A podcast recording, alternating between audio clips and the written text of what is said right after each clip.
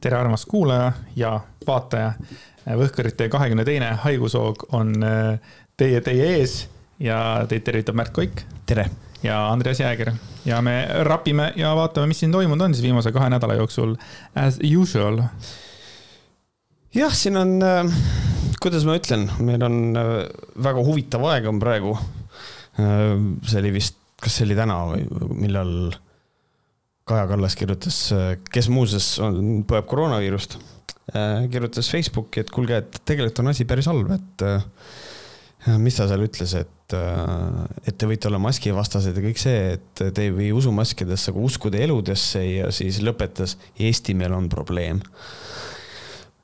Ja seda on kõike kuidagi jube nagu kurb lugeda selle igasuguste erinevate ürituste raames, mis nüüd on aset leidnud, inimesed on sõitnud autodega ja et kuna Eesti ei ole väidetavalt vaba ja, ja kõik see ja siis kuidagi see kõik on, teeb mind veits nagu kurvaks. kas sa käisid, tähendab, kas sa liikusid ka sellel ajal, kui see kolonnid siin sõitsid või? sest ma sain aru, et Tartust, Tartus oli ka see Sõidame Eesti vabaks või siis maailma vabaks või kuidas see õige, õige, õige või jah, Eestimaa vabaks oli vist siin. Nemad, nemad ikka sõitsid Eestit vabaks jah, koha peal. sest need pildid ju, mingi see põhipilt, mis nagu siin internetis äh, oli, see oli ju selle meie armsa Maarja mõisa ees ju. vist jah, vist jah. mina ei ole, ei, mina olin äh, ürituse ajal olin äh, kodus ikkagi, ma nagu. kas sa üldse mäletasid, et sihuke asi tuleb või? Ja kusjuures kõige piinlikum ongi see, et see oli, see oli üks nendest üritustest, mida ma nägin äh,, mingit Facebooki event'i nägin, aa okei okay,, sihukene asi tehakse. ja siis ma mõtlesin, et huvitav, kui palju sinna tegelikult inimesi läheb, sest et see kuidagi see tuli teemaks peale seda, mina nägin seda peale seda maski see, kui Ülemistel pidi olema suur Eesti rahva ülestõus ja kohale tuli üks inimene. see oli kõva asi et siis ma mõtlesin, et noh, et ilmselt see on midagi sarnast. Äh, aga mind üllatas, et see ikkagi oli päris sihuke suur asi, mida isegi ei tehtud nagu korralikult seadusega kooskõlastatud, et ei registreeritud meeleavaldust ja et igasugu ja siis kõik see. aga mm, nagu sellel päeval, mis ma nägin, oli see, et et nagu üle maailma toimusid need meeleavaldused, et nad üritasid ikkagi maailma vabaks sõita siis, sest et see oligi vist üle-euroopane mingisugune üritus. et meil oli ikka väga rahulik võrreldes võib-olla Saksamaaga, kus kohas ikkagi oli ikkagi nagu peksti inimesi ka nagu. et meil oli see asi nagu oluliselt rahulikum suutsid sa nagu aru saada, kes täpselt selle algataja oli, et ma tean, et see William Koval oli jälle seal nagu põhi põhi mingi spokes, spokesman, kes on sellest ka hiljem ja, ja rääkinud ja, ja sel ajal mingeid laive teinud ja ja juba mingid tema videod on juba mingi üle saja tuhande Facebookis vaatamisi saanud, mis tähendab, et taaskord see jubedalt äh, hästi levib. Mm.. see mingi Kalle Grünthaliga see autos äh, olev video, mis seal oli ja Kalle Grünthal on ekrelane, eks ole. yeah.. ta teeb endale väga korralikku ma ei tea, valimiste häälte tööd või, või midagi, et. nojah, kui on vandenõuteoreetikud, kes ütlevad, et niikuinii kõik erakonnad on kinni makstud ja kõike seda, et siis võib-olla Grünthal on võtnud enda isiklikuks missiooniks, et noh, vähemalt nad hääletaksid EKRE poolt siis. kusjuures eh, ma just kuulsin, et eh, Telegrami omad eh, mõtlevad ka era, erakonda teha, et kui see nagu asi paremaks ei lähe, siis nad teevad ka erakonna. ja kui ma nüüd hakkan mõtlema, siis päris pink on päris tugev juba arvestades nagu, äh, mis, mis, mis nimed sealt vaikselt hakkavad läbi jooksma, et Tõnumaa saab mingid hääled. ütleme, tõmbame William Kovali sinna äh, punti on ju, noh kindlasti Kris Kala läheb sinna, et noh, et see, mul on tunne, et seal on nagu rohkem äh, tuntud nimesid kui juba Eesti kahesajas noh oleneb, mis sfääril ilmselt, aga, aga vot siin ongi nüüd see, et äh, ma mõtlen, kas need inimesed kokku saavad, et erakonda moodustada, sest et vist peab viissada inimest olema arvan, et sa, kui sa näed, mis nagu toimub mm. praegu siin, sa näed, mis toimub. nagu no. tegelikult olgem ausad, kui me räägime siis ähm, mis siin, kes see seda Entusiast TV-d tegi, äh, tegin saatest üle nalja, siis ta helistas mulle. Äh, mingisugune erakond, kes värbas niimoodi, et liitu erakonnaga ja siis loositi välja nutitelefon. ja siis, kui Postimehe ajakirjanik helistas, et kas te teate, et te olete erakonnas, siis ütles ei ei tea, ei tea. aa jah, vist kunagi registreerisin jah. et äh, siis on täitsa võimalik, et Telegram ka. kes sulle helistas? mulle helistas selle erakonna, ma isegi ei mäleta seda, noh, ma ei mäleta selle erakonna nime enam, aga ma tean seda, et ta tegi Entusiast tv oli ka tema oma. Never heard of Entusiast tv. see oli, kas see oli, Rõe on Rahva Ühtsuse Erakond ähm,. mingisugune erakond, kindlasti keegi kommentaarides os oskab seda täpsustada. aga tegid siukse erakonna, kus kohas siis äh, ma ei, ma ei saanudki aru, miks nad selle erakonna tegid, see selleks, aga ta mulle helistas sellepärast, et ma tegin tema erakonna üle nalja oma saates ja kuna ma samas saates tegin selle. ongi kõik saates, mitte mingi jutt. ongi kõik okay. jah. Ja siis, kuna ma tegin selles saates ka nalja selle Momo üle natukene, mis, mis, mis levis ja noortele halvasti mõjus siis ta kuidagi terve oma kõne, ta mingi viis korda parafraseeris sedasama lauset ümber, et ta helistab tegelikult sellepärast, et Momoga ei tohi nalja teha. kes on Momo? Momo oli mingisugune. ma tunnen nagu retard praegu, sa räägid mingist välismaa Momo keeles. oli mingisugune asi, kas noorte seas mingisugune mäng levis, ma ei mäleta, kas see oli kuidagi enesevigastamisega seotud, aga see oli mm, mingisugune okay. õudne peletis, mingi mm -hmm. nägu, noh, mingi sihuke asi. ja siis ta kuidagi parafraseeris, et ta tegelikult helistab sellepärast, et Momoga ei tohi nalja teha, aga ma sain kogu aeg aru, et ta on tegelikult ilgelt soolane, sellepärast et ma tegin tema erakonna üle nalja ja ta helistas toimetaja läbi, ta helistas ühe või tähendab, ta vist mul helistas ainult mulle, aga ta kirju saatis mulle, toimetajale ja siis stsenaristile. ja siis ta oli hästi soolane ja pahane, aga siis ta otsustas Entusiast tv-s pornot näidata ja siis tal põhimõtteliselt sealt tema telekanal ka varsti ära kadus. ei no aga siiski ma, Kalle Grünthal ka tuleb veel sinna juurde ja neid igasuguseid coach'e, kes kõik on veits nagu umbluud, paneme Carmen Britsonid juurde, mis iganes.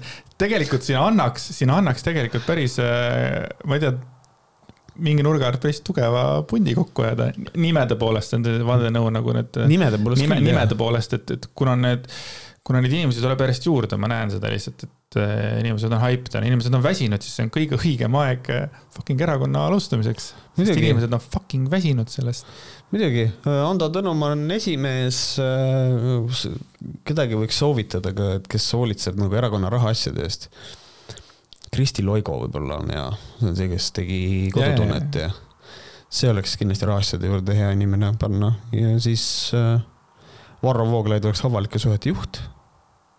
või Kris Kala tegelikult, avalike suhete juht võiks Kris Kalale, see oleks rohkem nagu omanäolisem, see asi niisugune. kurat, ma, ma tahaks tegelikult päris näha, kui Varro läheks äh, Google'i noh, olekski mingi valimistel, et mis see häälte saak oleks, et vaadates jälle sihukest lihtsalt, mis siin nagu toimub, siis mul on tunne, et see häälte saak on suurem kui Jüri Ratasel, kurat. tegelikult siin ongi see, et Varro on öelnud, et tema on seda meelt, et tema ei usu, et on vaja, kuna tema on murelik kodanik, siis ta arv, leiab, et parteistumine ei ole nagu vajalik, aga siin on mõnes mõttes see, et, et noh, et seal peab olema põhjus, miks ta ei taha ühtegi parteisse astuda või parteid teha ma mõtlen, kas see on kuidagi seotud mingisuguse annetusrahaga või mitte, et, et peab poliitelust eemal hoidma niimoodi, see on huvitav. pigem olla välispidine mõjutaja.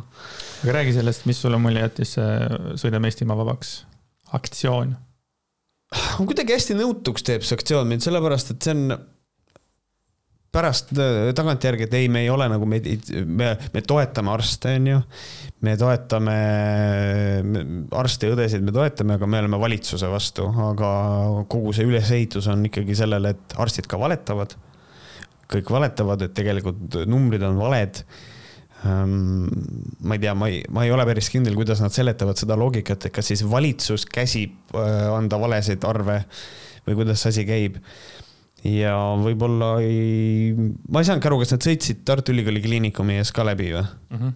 et nagu selles mõttes, et aga äkki ei takistaks liiklust seal või et selles mõttes, kui on vaja keegi kiirabiga sinna viia, et noh, see on ikka üsna loll. et selles mõttes see teeb mind hästi nagu hästi-hästi nõutuks, aga ma olen kogu aeg öelnud, et noh, et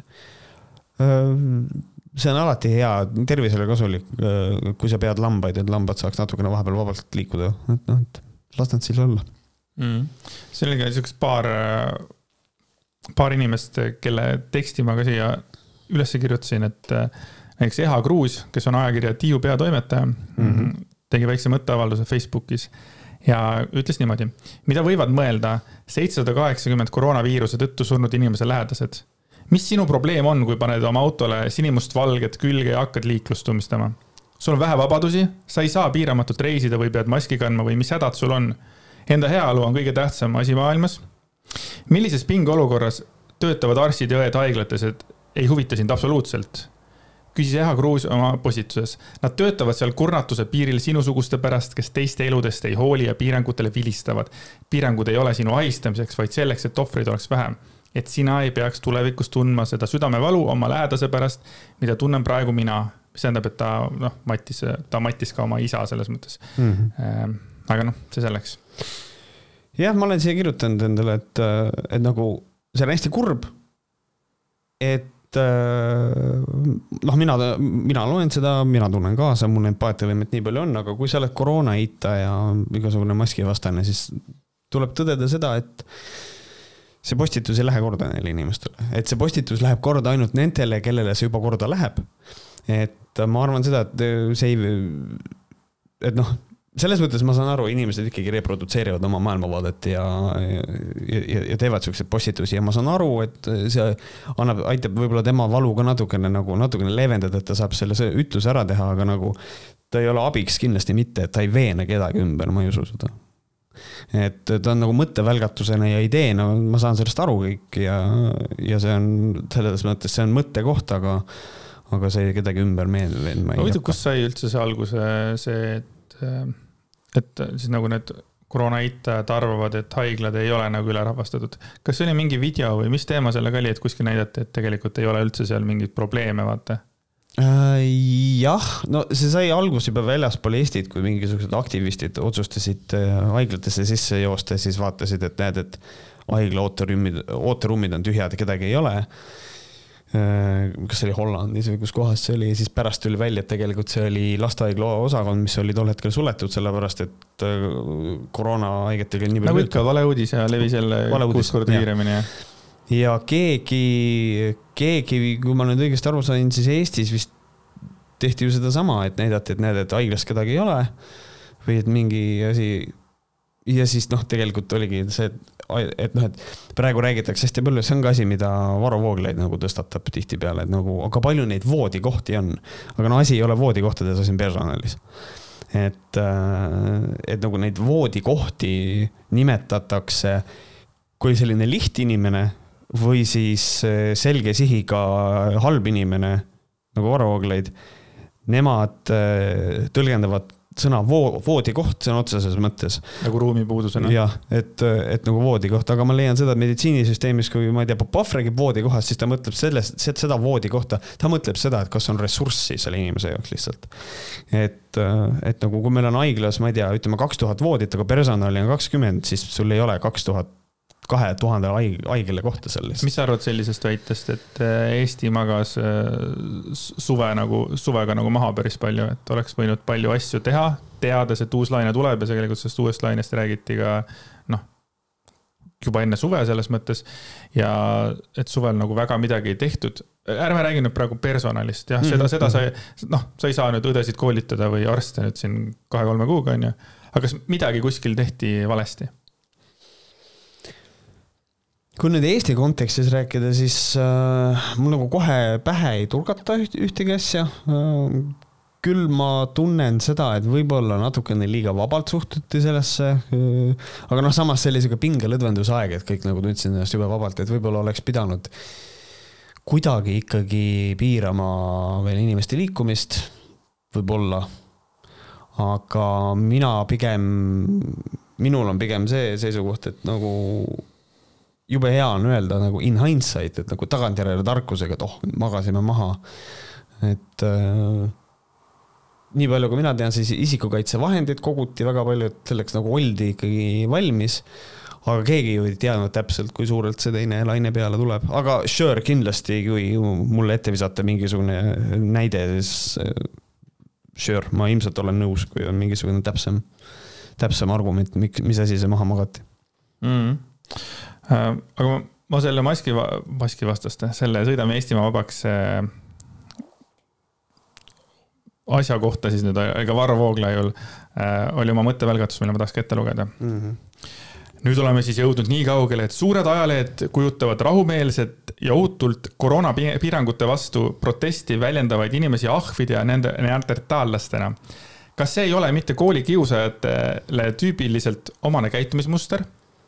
Sama hoiak vaatab vastu ka sotsiaalmeediast. inimesed, kes on avaliku võimu ja meedia poolt jõuliselt kehtestatud narratiivi omaks võtnud, on nende suhtes, kes ei pea võimalikuks seda teha iga päevaga aina tigedamad ja mille pärast? sellepärast, et esitatakse olulisi küsimusi ja soovitakse saada neile vastuseid. nii palju isiklikult halvasti ütlemist ja süüdistamist või lausa hurjutamist ja sõimamist ei ole ma näinud kooseluseaduse läbisurumise ajast saati. tegelikult on nüüd tigetsemist isegi oluliselt rohkem ja seda saab iga päevaga aina enam näha ka inimeste poolt, keda varem olen pidanud kas sõbraks või siis vähemalt mõttekaaslaseks.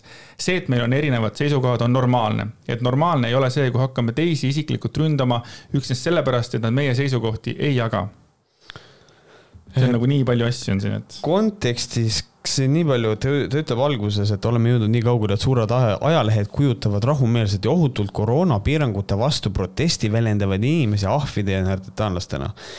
See on siis viide nüüd äh, sellisele äh,, ma ei mäleta nüüd, mis lehest see oli, see karikatuur kus kohas on siis äh, võetud need evolutsiooniliselt, äh, kes on siis homo erectused ja siis sellele eelnevad inimesed, kellel on siis ähm, oda käes, Eesti lipp on seal küljes ja siis ta ütleb, et sõidame Eesti vabaks. et see on siis äh, ühe karikatuuri põhjal öelda, et see käib kõikide suurte ajalehtede kohta, ma saan aru, see on tema liialdus. ja, aga noh, ta kindlasti nägi seda, et Keit Pentus-Rosimannus ütles ka, et äh, ütles ka midagi taolist, vaata mm. -hmm. ega ta, ta ju jälgib ka kõiki neid, keda ta ei salli, vaata selles mõttes. et äh, siin on nagu kindlasti see asi tuleb ka sisse, et kui nüüd Keit Pentus niimoodi ütles või midagi, et siis võib-olla see karikatuur ka räägib sellest, aga vahet ei ole, et äh, Varro point on see, et, äh, et on rahumeelne ja ohutu äh, need, need, need protestid, mis absoluutselt igno-, Varro siin koha peal teadlikult ignoreerib, ma arvan, online kultuuri. et provokaatorid on minu jaoks alati ohtlikud. et selles mõttes, et ma leian seda, et mina võin äh, täiesti rahulikult öelda, et ma olen rahumeelne, ma ei tee mitte midagi, aga ma kogu aeg utsitan inimesi üles mässama. ja nüüd, kui me võtame siis äh, uudise, mis alles hiljuti välja tuli, et reede öösel vastu laupäeva sodisid koroonaeitajad Haapsalus avalikku testimistelgi ja soojaku täis kõikvõimalikke sõnumeid. ehk siis see on konkreetselt niisugune noh, mina tahaks öelda, mina ütlesin selle kohta Twitteris, et see on domestic terrorism ehk siis niisugune kodukootud terrorism, äh, riigivastane, mis siis telgi peale kirjutati, et äh, pandeemia, wake up, äh, ärka, vabadus, noh, mingisugune niisugune kuradi jura et noh, siin on juba konkreetselt on, seda võib nimetada varaliseks kahjuks. et noh, mul tekib nagu tõsimeelselt küsimus, et äh, kas seda rahumeelseks ja ohutuks nimetada, otse loomulikult Varro võib öelda, ei, seda ma ei kiida heaks, et nii tehti. Sure, jah, aga selles mõttes kogu selle mentaliteedi ülalhoidmise taga on ikkagi see, et äh, keegi jälgib ja keegi ühel hetkel selle kivi viskab, keegi peab alati esimese kivi viskama, et, et äh, ja nagu sihuke ässitamine minu arust sealtpoolt ikka kogu aeg tuleb teine mm. asi on see, et ta küsib, et kas see ei ole koolikiusajatele tüüpiliselt omane käitumismuster ja nüüd mul, mul, ma olen seda nii palju rääkinud, et nagu ta on ise minu arust väga suur koolikiusamise pooldaja ju. sellepärast, et tema leiab üles, et me peaksime üles kasvatama inimesi selles vaimus, et homoseksuaalsus näiteks, et see on vale, see on ebamoraalne ja kui lapsed selles üles kasvavad ja kui keegi on homoseksuaal, siis teda hakatakse koolis kiusama või kui tal on isa või ema homoseksuaal, teda hakatakse koolis kiusama. aga ma tean, et Varro Vooglaid ei ole suuteline oma ajuga sinnamaani minema ilmselt, et äh, kuna tema käes on absoluutne tõde. jah, sest tema nagu põhimõte on ikkagi see välja juurida, vaata mm. -hmm. et ta usub ju, et see on võimalik välja juurida. ma see, arvan küll, jah. mina arvan küll, et usub jah, sest ta muidu ei võitleks nii hullult. aga jaa, see koolikiusaja äh,. äkki ta loodab, et on võimalik välja juurida teatud erilistel põhjustel. I say no more mm..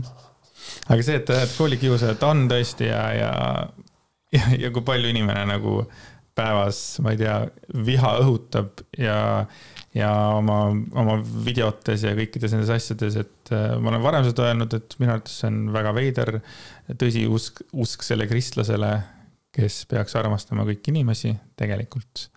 Äh, ja noh, nüüd ta on läinud veel sammukese edasi, et siin just äh, eile õhtul ähm, mees tegi Facebooki postituse, kus ta nagu otseses mõttes äh, jagas, levitas valeinfot, sest et keegi kuskil oli kuulnud, et keegi suri ära kümme minutit peale vaktsiini saamist. umbes, et, äh, aga see oligi niimoodi, et see ei olnud isegi niimoodi, et see inimene, noh see oligi, et keegi kuskil lehma-lellepoeg kuskil nägi, et oli, et ma nüüd ja siis oli, jah, ütle, loe. mul on see olemas, mul on siin ees. Varro Vooglaid kirjutas meie jaoks praegu sada kakskümmend üks tundi tagasi. sain hetk tagasi ühelt vanalt tuttavalt sellise teate. ja teade on selline, saadan sulle edasi ühe info, mis minuni jõudis otseallikast see on see, kuidas valeuudised levivad, aitäh, Varro Vooglaid, et sa levitad äh, valeuudiseid ilma igasuguse allika kriitilisuseta äh, ma olen antud juhul totaalselt veendunud, et sa oled mõjuagent, välismaa mõjuagent. jah, nagu aeg edasi, seda hullemaks on ja nüüd on otseses mõttes ta nagu levitab valeuudiseid ja loomulikult kõik äh, Varro, Varro sõbrad kohe like ivad, kommenteerivad kõik ja siis on ikka see, mõelge oma peaga, kõik see muu, muu bullshit. see oma peaga mõtlemine, siis keegi, äh, keegi tema kommentaariumis vist äh, kirjutas seda ka, et mismoodi äh, välismaal, kas see oli äh, mingi äh,, mingi medõde oli saanud äh, seda äh, süsti nagu vaktsiinisüsti ja oli kokku kukkunud ja pärast ära surnud. tegelikult see, ta kukkus kokku jaa, aga ta on terve täiesti et ta ei ole surnud ja ma ei tea, kuidas, aga noh, fakt ongi selles, et see on nagu see, see kala on juba läinud see on juba, ei, ta on surnud, jah, selge, davai. me oleme kõik lambad, lähme sõidame autoga.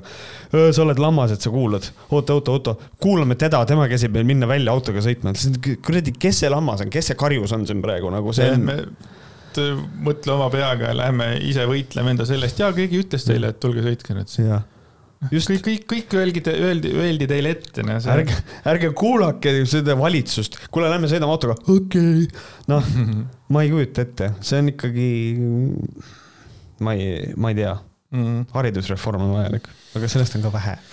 Äh, ja minu kindlasti lemmik äh, tüüp seal sellele Sõidame Eestimaa vabaks äh, teemal oli kindlasti see keskerakondlane, kelle nimi on Tanel Kaptšenko, kes siis äh, seal röökis seal, see, no ütleme, et see kontekst oli selline, et seal laululava juurde lõpuks sinna mingi sada inimest äh, tuli ka kokku ja siis seal nagu see hüüti mingisuguseid lauseid ja mingit jama ja siis see mhm. Tanel Kamtšenko nagu siis ütles ka, et hüüdis seal ka vahele ka, et põhiseaduse järgi kuulub kõrgem võim rahvale, rahva käes on võim ja rahvas ise otsustab, kas rahvas on kehtestanud need piirangud. ei, me ei ole neid kehtestanud. täiesti putsis vana nagu, aga noh, see, see, see, see hääl hääleks nagu ta lasi seda ühte sama ja siis ta rääkis TV3-le seda ja noh, ilmselgelt ei saa aru, mis tähendab võim, kõrgem võim kuulub rahvale, onju. Mhm. aga see, et. et noh, see on, see on, see on kusjuures mainisid siin Kalle Grünthali, et nagu Kalle Grünthali poeg on Facebookis öelnud täpselt sedasama. et mm. nagu politsei ei saa äh, inimesi nagu korrale kutsuda selle igasuguste maski kandmistega, sellepärast et äh, allu-, Eesti rahval ei ole alluvussuhet nagu vabariigi valitsusega, sest et kõrge võimukandja on rahvas mis on nii absurdne, siis miks meil üldse põhiseadus on? ja kusjuures põhiseadusest räägiti, iga vend, kellega intervjuus võeti, rääkis jälle põhiseadusest ja William Koval kogu aeg räägib põhiseadusest mm. -hmm. et see põhiseadusest räägitakse kogu aeg, aga põhiseadust nagu ise täita ei taheta. ja ma nägin ka selle ühe nagu äh, videokese ära sellesama ürituse kohta, mille autoriks oli Kris Kala mm. -hmm ja ma ei tea, kas ma pean isegi rohkem midagi öelda, ütlema, et äh, mm, seal oli see, mis, kuidas, mis seal oli mingi point, et see politsei tuli sinna, et aa, et me saime teada, et veerand tunni pärast tuleb politsei ja ajab siis meid kõiki minema, et ma tahaks näha, kuidas see mingid politseinikud meid sada inimest minema ajavad või arreteerima hakkama, tahaks näha, onju, et neil on nii palju umbes inimesigi. siis mul oli see, et kas see on nagu teadlik, et ummistame siis selle või noh, võtame siis kõik politsei kuidagi sinna mm, -hmm. äh, mitte ma, jah, sinna üritusele sinna või kui mina tahaks mingit pätt olla, siis ma oleks läinud sellel ajal äh, pättusi tegema linna peale, kui see üritus oli, sellepärast et kõik politsei tegelikult ikkagi jälgis seda juba, ma arvan, ma ei tea muidugi, kas kõik, aga noh, et suur osa politseist jälgis seda ja. Äh, ja kusjuures nüüd on, siin on minu, äh, minu erakordselt, erakordselt jäle vaade tulevikku, on see, et kui nüüd edaspidi seoses selliste üritustega ja seoses selle ohuga, et meie hulgas on inimesi, kes tahavadki politseid äh, niimoodi äh, lihtsalt hõivata, sellepärast et neil on, sest et nad arvavad, et Eesti Vabariigi põhiseadus ei kehti neile, sellepärast et neil ei ole alluvussuhet oma valitsusega, millele nad on andnud mandaadi, ühesõnaga nad ei tea, kuidas riik töötab siis äh, mina ütlen, et see on okei okay, äh, panna käiku sellised seadused, mis äh, liigitavad need inimesed terroristide alla ja neid vastavalt karistada ja need panna kinni istuma. I don't care mm., fuck you.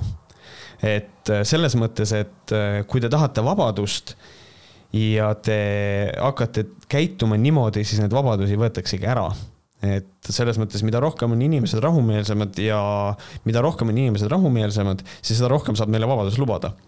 mida rohkem inimesed mässavad, siis seda vähem saab seda neile lubada. sa oled lammas, sa ei mõtle oma peaga. absoluutselt, absoluutselt palju parem on, palju parem on lihtsalt äh, alluda mingisugusele suvalisele tüübile, kes ütleb, et lähme sõidame autoga öelda jaa, jaa. palju, see on palju lihtsam. et nagu selles mõttes, kui Varro Vooglaid küsib, et kas need inimesed siis, kas on õige neid neandertaanlastega võrrelda, jaa tegelikult ei ole, seepärast et neandertaanlased surid välja sellepärast, et nad ei pidanud hästi jahti. ja praegusel hetkel on väga tugev hüpotees, et nad olid äh, intelligentsemad kui homo sapiens tol ajal, nii et ei, ei ole. ma ei ole Varroga nõus, või tähendab, ma olen Varroga nõus, jah, see ei ole kohane neid neandertaanlastega võrrelda. tegelikult, ma võtan oma sõnad mm -hmm. tagasi kommentaariumist ma leidsin ka paar vahvat kommentaari, mis mulle väga meeldis, et üks oli äh, Delfis oli selline, et Eesti rahvas on rääkinud kõrini liberaalsest valitsusest ja nende piirangutest. taastame rahvusliku konservatiivse valitsus. just, valitsus. et Eesti rahvas on rääkinud, ehk siis see imepisike käputäis inimesi kogu sellest Eesti rahva. kakssada autot oli. kahe, kakssada autot, et see on see, et Eesti rahvas on rääkinud, nagu see on how high are you see on liberaalsest valitsusest, et ja kusjuures mina nagu, ma lugesin seda kommentaari, mis sa siia dokumenti panid, mõtlesin, ahah, okei okay,, no see sihukene tüüpiline ja siis ma olin, et oota. ja siis ma kirjutasin siia selle juurde, et noh, tegelikult Eesti Vabariigi valitsus praegusel hetkel ei tee absoluutselt liberaalseid samme, vastupidi. me piirame inimeste liikumist et, see loogika on päris hea küll nagu, liberaalsest valitsusest no.. et nagu ta ei ole praegu niivõrd liberaalne just, et äh, liberalism tähendab hoopis midagi muud. aga siis ma olen siia kirjutanud, eks need on sellised inimesed, kellel on mõtlemine valus ka, et mm, -hmm. et las, las ta räuskab selles mõttes. aga, aga ma no, korra nagu tuletaks meelde, et tegelikult esimene lockdown ju tehti konservatiivse valitsuse poolt. no lihtsalt no,, lihtsalt nagu meeldetuletuseks sellest ei tohi rääkida, see on. Just saying nagu, et tegelikult. tagatubades olid liberastid ikkagi yeah,. näed Kris Kalale tuleb auto järgi. just, väiksed sireenid. aga võtaks siis järgmise mm,. aa, sihukene tsitaat ka, ma ei tea, kas see on ka siis kuskil kommentaar või mm? -hmm ajuvabaduse vastu meeleavaldus igati tervitatav, lambad, keda terve elu karjatatud, sellest aru ei saa ja siin mina kasutaks jälle sedasama seisukohta, et äh, keegi karjatas need lambad meeleavaldusele though, ehk siis keegi on see kogu aeg see karjus ja keegi on kogu aeg see lammas, et see on suht keeruline. kuidagi võtab hästi nõutuks see pask mind, ma ei tea. ma ei tea ka, tahan lihtsalt, et see, see lammaste kiusamine ära lõpeks ausalt öelda. mul sest, ma, ma olen sellest, ma olen nii väsinud sellest lammaste teemast ja, ja kõigest sellest oma peaga mõtlemisest. ei, ei, ma ei ole väsinud oma peaga mõtlemisest, sellest, kuidas seda nagu tuuakse esile. see on. vandenõuteoreetikute poolt nimega Varts, Hans, Wilts, The Fish ja nii edasi, vaata. kusjuures mulle tundus, et äh, kuna ma kasutasin Twitteris äh, Kris Kala asemel kala ikooni, siis mulle tundub, et see on nüüd läinud nagu liikvele, kasutatakse seda. siis ma olin, jess ma olen midagi Eesti folkloori pakkunud, mul on väga hea meel. Aga nii palju siis vist sellest, et äh, üldiselt äh, väga kurb, et on inimesed, kes ei saa aru, et äh, me ei taha maske kanda, tegelikult ma ei taha maske kanda, aga ma teen seda sellepärast, et me ei peaks neid kandma. ei, ei, see on suuvõrvistamine. see on suuvõrvistamine. ma tegelikult ma olen väsinud juba nende lausete ütlemisest nagu. ma hakkan ütlema jälle seda ja siis tuleb meelde, türa ma just, noh. et saad enda peale pahaseks. ma saan enda peale pahaseks, et noh. aga noh, kindlasti siin on veel mehi, kes enda peale pahaseks on saanud. ja neid tuleb järjest rohkem juurde nagu iga minutiga mm. -hmm. ja et taaskord, kui me saate ära tegime, siis läks eelmise saate, siis läks kaks päevakest mööda, kui, kui siis õhtusaates selline naisterahvas nimega Miia Pelle Trisna rääkis, kuidas neljateistaastane teda siis Eesti tippklubi naiskonna, tähendab jah, naiskonna treener siis mm seksuaalselt ära kasutas ja et neil oli nagu suhe. aga noh, kõige fun im nagu, mitte fun im, vaid kõige nõmedam selle asja juures oligi see, miks mina, ma arvan, miks läks tegelikult kogu see meedia pöördesse ja hakati siin ka juba Riigikogus uusi seadusi vastu võtma, et oli see, et oli viiekümne nelja aastane äh, Chrissy motherfucking äh, fat fuck äh,, nagu kõik oli seal valesti, kõik oli valesti selle, selle tüübi juures ta oli fucking viiekümne nelja aastane ja ta oli neljateistaastasega suhtes. ma hakkasin mõtlema, kui, oota, mis selle tüübi nimi oli? Äh, Fredo Getulio Aurelio, kui mhm. Fredo mm -hmm. Getulio Aurelio oleks üheksateistaastaselt saanud endale lapse, kes oleks omakorda kahekümne aastaselt saanud lapse, siis äh, oleks see laps on neljateistaastane, kui Getulio oleks olnud viiskümmend neli. Mhm. mis tähendab, ta oli tegelikult vanaisa, saad aru, ma räägin, noh, me räägimegi siin vana, vanaisa kompleksist juba siin. nelikümmend aastat vahet ja tema advokaadiks on Robert Sarv. aga noh, see selleks. ma mõtlen seda, et kusjuures ma ei, ma olen Robert Sarve puhul kogu aeg mõelnud seda, et noh, ta on, noh, ta on väga oportunistlik noormees, ikkagi ettevõtja ja nii edasi, et noh, selles mõttes, et raha ei haise. tal vist on, tal vist on see, see seisukoht mida Lauri Pedaja mulle kunagi ütles, hästi loll nali, et noh, et raha ei haise, vaesed haisevad aga Robert Sarv ütles äh, oma intervjuus Arterile minu arvates, ütles seda, et ta on jõudnud oma tööga sinnamaale, et nüüd, kui mõeldakse jurist või advokaat, siis mõeldakse kohe Robert Sarve peale, mis tähendab, et tema ei pea endale enam reklaami tegema, vaid nüüd, kui mingi jama on, siis kohe otsitakse Robert Sarve ülesse oh noh, võta seda, kuidas tahad, et aga mees on endale teinud. ma ei saa mitte midagi muud siinkohal öelda kui seda, et et tal on õigus, jah, ta on väga hästi oma, oma brändi teinud ja tal on õigus. ta on väga edukas advokaat. see bränd on nagu veits nagu noh, lõhnab veits nagu kala, onju. Veits tead, siin ongi see, et äh, see on nagu see lause, mis äh, tuleb sealt äh, siuksest sarjast nagu Better, Better Call Saul. et ähm, tal on praegu, mis mul, mul nagu Robertist nii palju, niivõrd natukene kahju on, et ta on nagu selline advokaat või selline jurist või kes palgatakse selliste inimeste poolt, kes on süüdi. see bränd on nagu selline ja, ja ma leian, et mul on nagu selles mõttes tast isegi natukene kahju, aga ma leian, et tal rahadega on hästi, et selles mõttes, et. ja kõik sai algust tegelikult no. ju heast asjast, kui ta nagu Korolevile nutsu välja ja. võitles, kui teda nagu inetult sõimati vist kuskil ja, no, foorumis perekoolis või kuskil. konkreetselt seal oli laim jah, et aga siis, kui keegi ütleb kellegi kohta halvasti ja selle kohe on sarve juurde minek, et noh, et see kuidagi tekitab. ütle mulle, kas sa tead mõnda teist juristi või? ei tea okei okay,, nüüd on see, kes maletaja nimega tüüp on ka, kes Aivar Mäega no, asju ajab. mul on üks tuttav jurist ka, aga, aga ma ei hakka siin name drop ima ja et selles mõttes äh, juristi haridusega on Varro Vooglaid. Seda mainid pidevalt. aga, aga, aga ühesõnaga selles mõttes tal on õigus jah. Mul on lihtsalt hästi veider, noh jällegi me peame võtma asja selles seisukohas ka, et inimesel on õigus, et tal on kaitse ja kui see ei oleks Robert Sarv, siis oleks keegi teine mulle meeldis see, et, et kui siin tehti jälle mingi meem või millegist, et mingisugune, noh, et ütleme siis niimoodi, et kui advokaat läheb kellegi moodi, et siis nagu üks hetk on samasuguste soengutega, siis oli tehtud nagu pilt oli kokku pandud, kus Robert Sarvel oli pandud Getuulio see kuradi lambasoeng vaata pähe, et, et see oli üsna armas. Äh, noh, ma ei tea, kas sa oled Getuulio kohta kõik ära öelnud, mis sul on öelda? mul ei ole nagu midagi rohkem lisada kui seda, et mul on, äh, okei okay,, see kõlab nii räigelt, aga mul on hea meel, et see teema on tõstatatud, sellepärast et äkki me nüüd saame tõsta selle vanuse neljateistkümnelt vähemalt kuueteistkümne peale ära. aga oota, ma nüüd tahan selle kohta öelda seda, et Pane. ega ei oleks asi parem, kui oleks välja tulnud, et, et oleks Miia Bell äh, Trisna olnud, ütleb, et noh, kui ma olin kuueteistaastane, siis äh, Getulio nussis mind.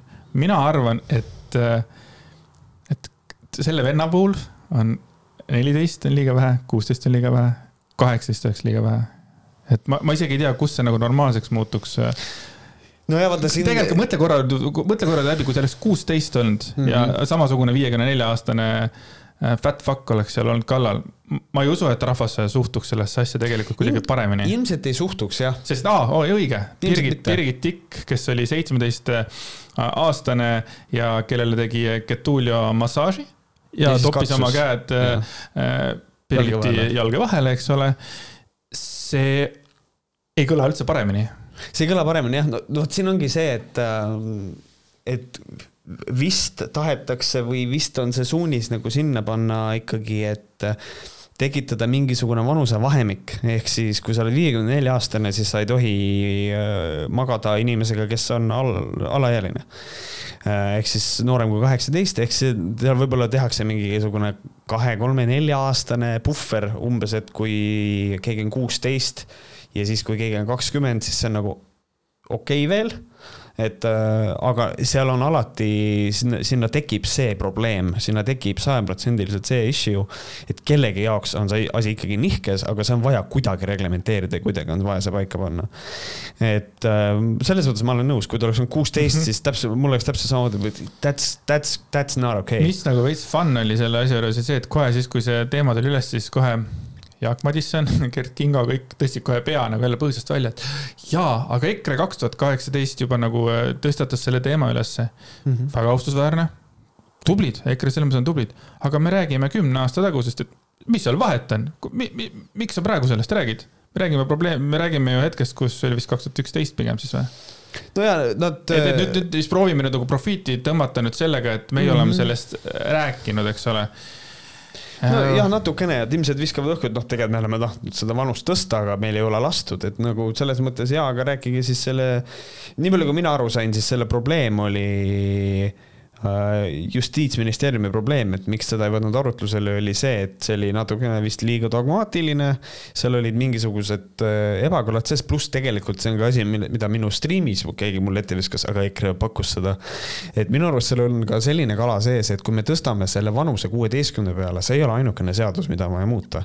sest et antud hetkel viieteistkümne aastane võib abielluda vanema loaga see on vaja ka siis ümber teha, et äh, selles mõttes see ei ole ainult see, et me nüüd muudame, et jah, nüüd on neliteist, plõksti, nüüd on kuusteist mm, -hmm. seal on vaja muid asju ka ümber mängida ja need asjad peavad omavahel kooskõlas olema. jah, see on korralikult nagu ümber mängida, aga samas nagu see noh, kui nad ümber mängivad, siis nagu, et, et nagu selles mõttes, et nagu noored ise kannatada ei saa, ütleme, et kui neljateist, mhm. viieteist aastat omavahel tahavad seksida, et et seal nüüd kohe automaatselt mingisugused kurjategijateks ei hakata saama, et no,, et seal tuleb kuidagi nagu seda asja nagu ikkagi väga mõistlikult mitte noh, mitte nüüd niimoodi, et paneme kuusteist, et Getulio võib ikkagi viiekümne nelja aastaselt nikkuda kuueteistaastasi.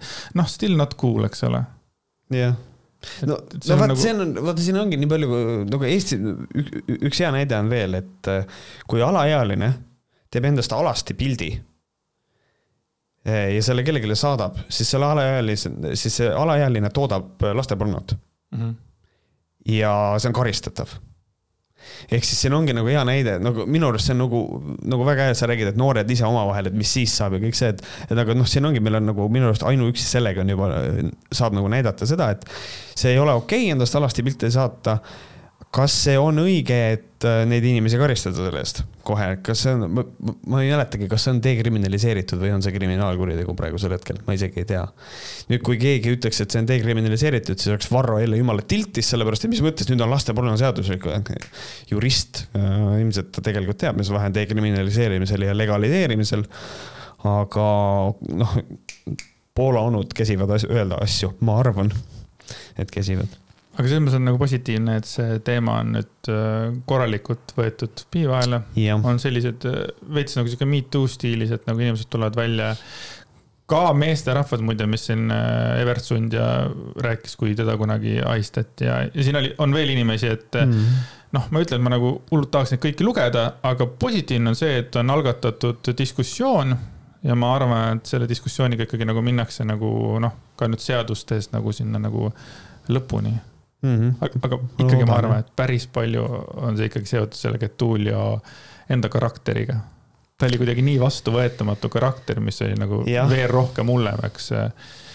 et muidugi me ei tea, kui seal oleks olnud mingi, ütleme, neljakümne aasta, ma ei tea, mingisugune noh ütleme, tavaline, tavaline Eesti mees yeah., mingisugune jalgpallitreener, et kas see oleks nii suur, kindlasti oleks kuidagi. noh, siukene nagu, nagu, mis selle, mis selle Naari sees nimi oli mm,. Marek äkki oli või? ja vist, et Marek Naaris, kes saatis, äh, mis see neljateistaastastele oma riistapilte ja siis nimetas seda oma postituses poisikese tembuks kogu aeg. kolm korda nimetas seda poisikese tembuks, üritades jätta muljet, et oi-oi-oi, et äh, noh, see on, ma olin siis poisike, mis on, mis on see mentaliteet, et boys will be boys mis on haige, pluss ta oli üle kolmekümne aasta vana. kolmkümmend viis mäletas ka. et nagu, kui sa siis oled poisike, siis uhuhuu poiss. no vot, tikkpikkidega on see asi, et äh, minu arvates ei ole okei okay üldse tikkpikke saata, me oleme sellest rääkinud yeah.. et see on nagu niivõrd õh uh, nagu. sellepärast, et mina kui, mina kui ikkagi, no vot, siin on see, et ma olen heteroseksuaalne mees, minu arust riist on kole asi. ma ei tea, ma ei oska seda mitte kuidagi teisiti seletada, see ei ole ühegi nurga alt ilus. ta on inetu ta näeb välja nagu hapukurk. Ma no., räägin endast praegu, et miks? et jaa, me rääkisime sellest juba ükskord, et me ei saa hetkel aru sellest, et nagu miks, aga ma kujutan ette, et kuuldes siin lugusid, siis ma ei tea, iga teine tütarlaps on saanud vähemalt kellegi tikkpikki, eks ole. Mm -hmm.. noh, mis tähendab, et loogika järgi nagu võib-olla viiskümmend protsenti, ma ei tea meestest on... siis ikkagi nagu saadab neid siis. kuidagi või... väga õudselt levinud asi ja, ja, ja nagu selles mõttes, et äh, ma, ma ei kujuta ette seda, no vot, me rääkisime jällegi, see, see, see on see, et kas sa oled enesekindel, on ju, vot see mhm. nõuab enesekindlust, et sa saadad oma riistapildi neljateistkümneaastasele tüdrukule. okei okay,, võib-olla see nõuab isegi vähem. sellepärast, et, äh, sellepärast, et jah, ma arvan, et see nõuab vähem, ma arvan, et see on niisugune jah, okei okay,, tegelikult. sest et kui sa oled juba nagu, saadad vanemale naisterahvale, kes võib-olla on need saanud ja oskab võrrelda, vaata, siis võib-olla sa muutud närviliseks, aga, aga et saata lapsele neid, siis ma ei tea, niisugune, see on nii, see on nii pöörane, see on, see on, see on nii crazy. aga nagu ma aru sain, siis see Naaris on ka nagu nüüd, ma ei tea, kuidas on nüüd viisakas öelda, töötu või? et kuigi. vaata Aurelio selles mõttes, Getuliol, whatever'de asjal, temal nagu selles mõttes veits nagu vedas, et ta põhimõtteliselt on pensionär praegu ju. kui ta oli mhm. viiskümmend neli siis on ju, siis nüüd ta paberite järgi peaks olema kuuskümmend neli. vist jah. et siis ta on ju pensionär, et tegelikult tema nagu elutöö sai siiski nagu tehtud, aga elutöö aga ei noh, kuulata, selles mõttes, et noh, noh nagu, nagu, nagu jalgpallitreenerina. jah, jalgpallitreenerina pigem.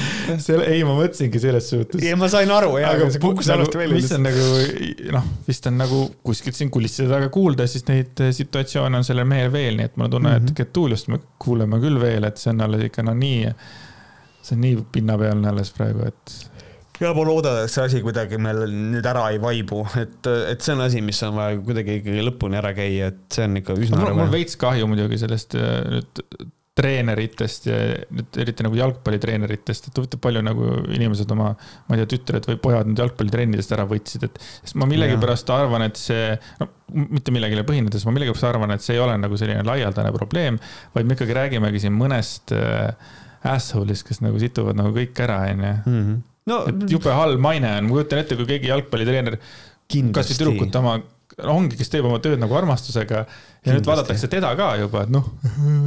ei no vaata, kusjuures ongi, sul ei ole rohkem vaja, kui sul on, äh, sul käib, tütar käib jalgpallitrennis mm. -hmm tema treener on mees mm -hmm. ja mis iganes põhjusel see treener ei meeldi sulle, mis iganes põhjusel, näiteks ta võttis parkimiskoha ühe korra ära mm -hmm. ja siis sul on see, et ta ka raudselt on pedofiil mm -hmm. ja siis võtad tütre trennist ära, et noh, see on nagu võimalik.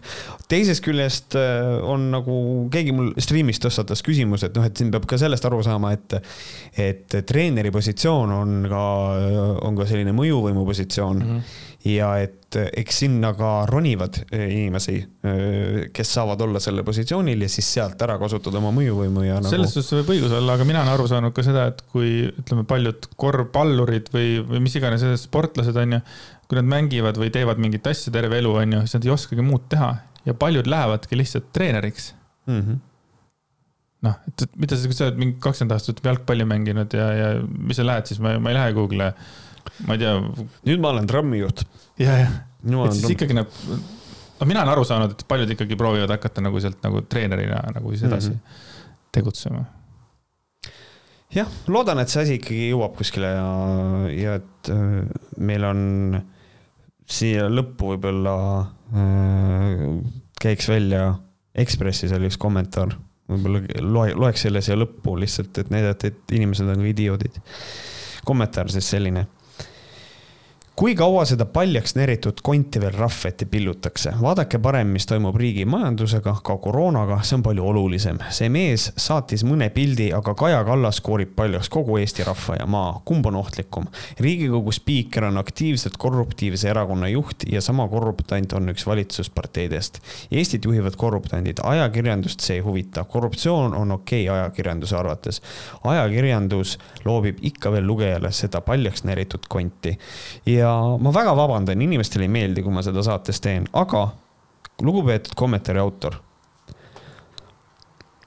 lasem maha ennast, sellepärast et äh, see on niivõrd loll seisukoht, et mina leian seda, et seda konti on vaja nii kaua rahva ette visata, kuni naiste seksuaalne ahistamine ei ole enam normatiiv, kuni pedofiilia ei ole enam normatiiv, kuni inimesed ei kaitse seda. aga mõtle selle peale, et ta kirjutas selle kommentaari sel ajal, kus Riista pilt ja ta ütleb, et see on näritud kont nagu, et see on näritud kont. äkki on, äkki, äkki Naarise peenis oli näritud kont, ta on ise ka näinud seda. aga see, aga see, kuidas kogu aeg öeldakse, et Kaja Kallas röövis Eesti paljaks ja Siim Kallas kümnest miljonist räägitakse siiamaani mm -hmm. lugusid veel.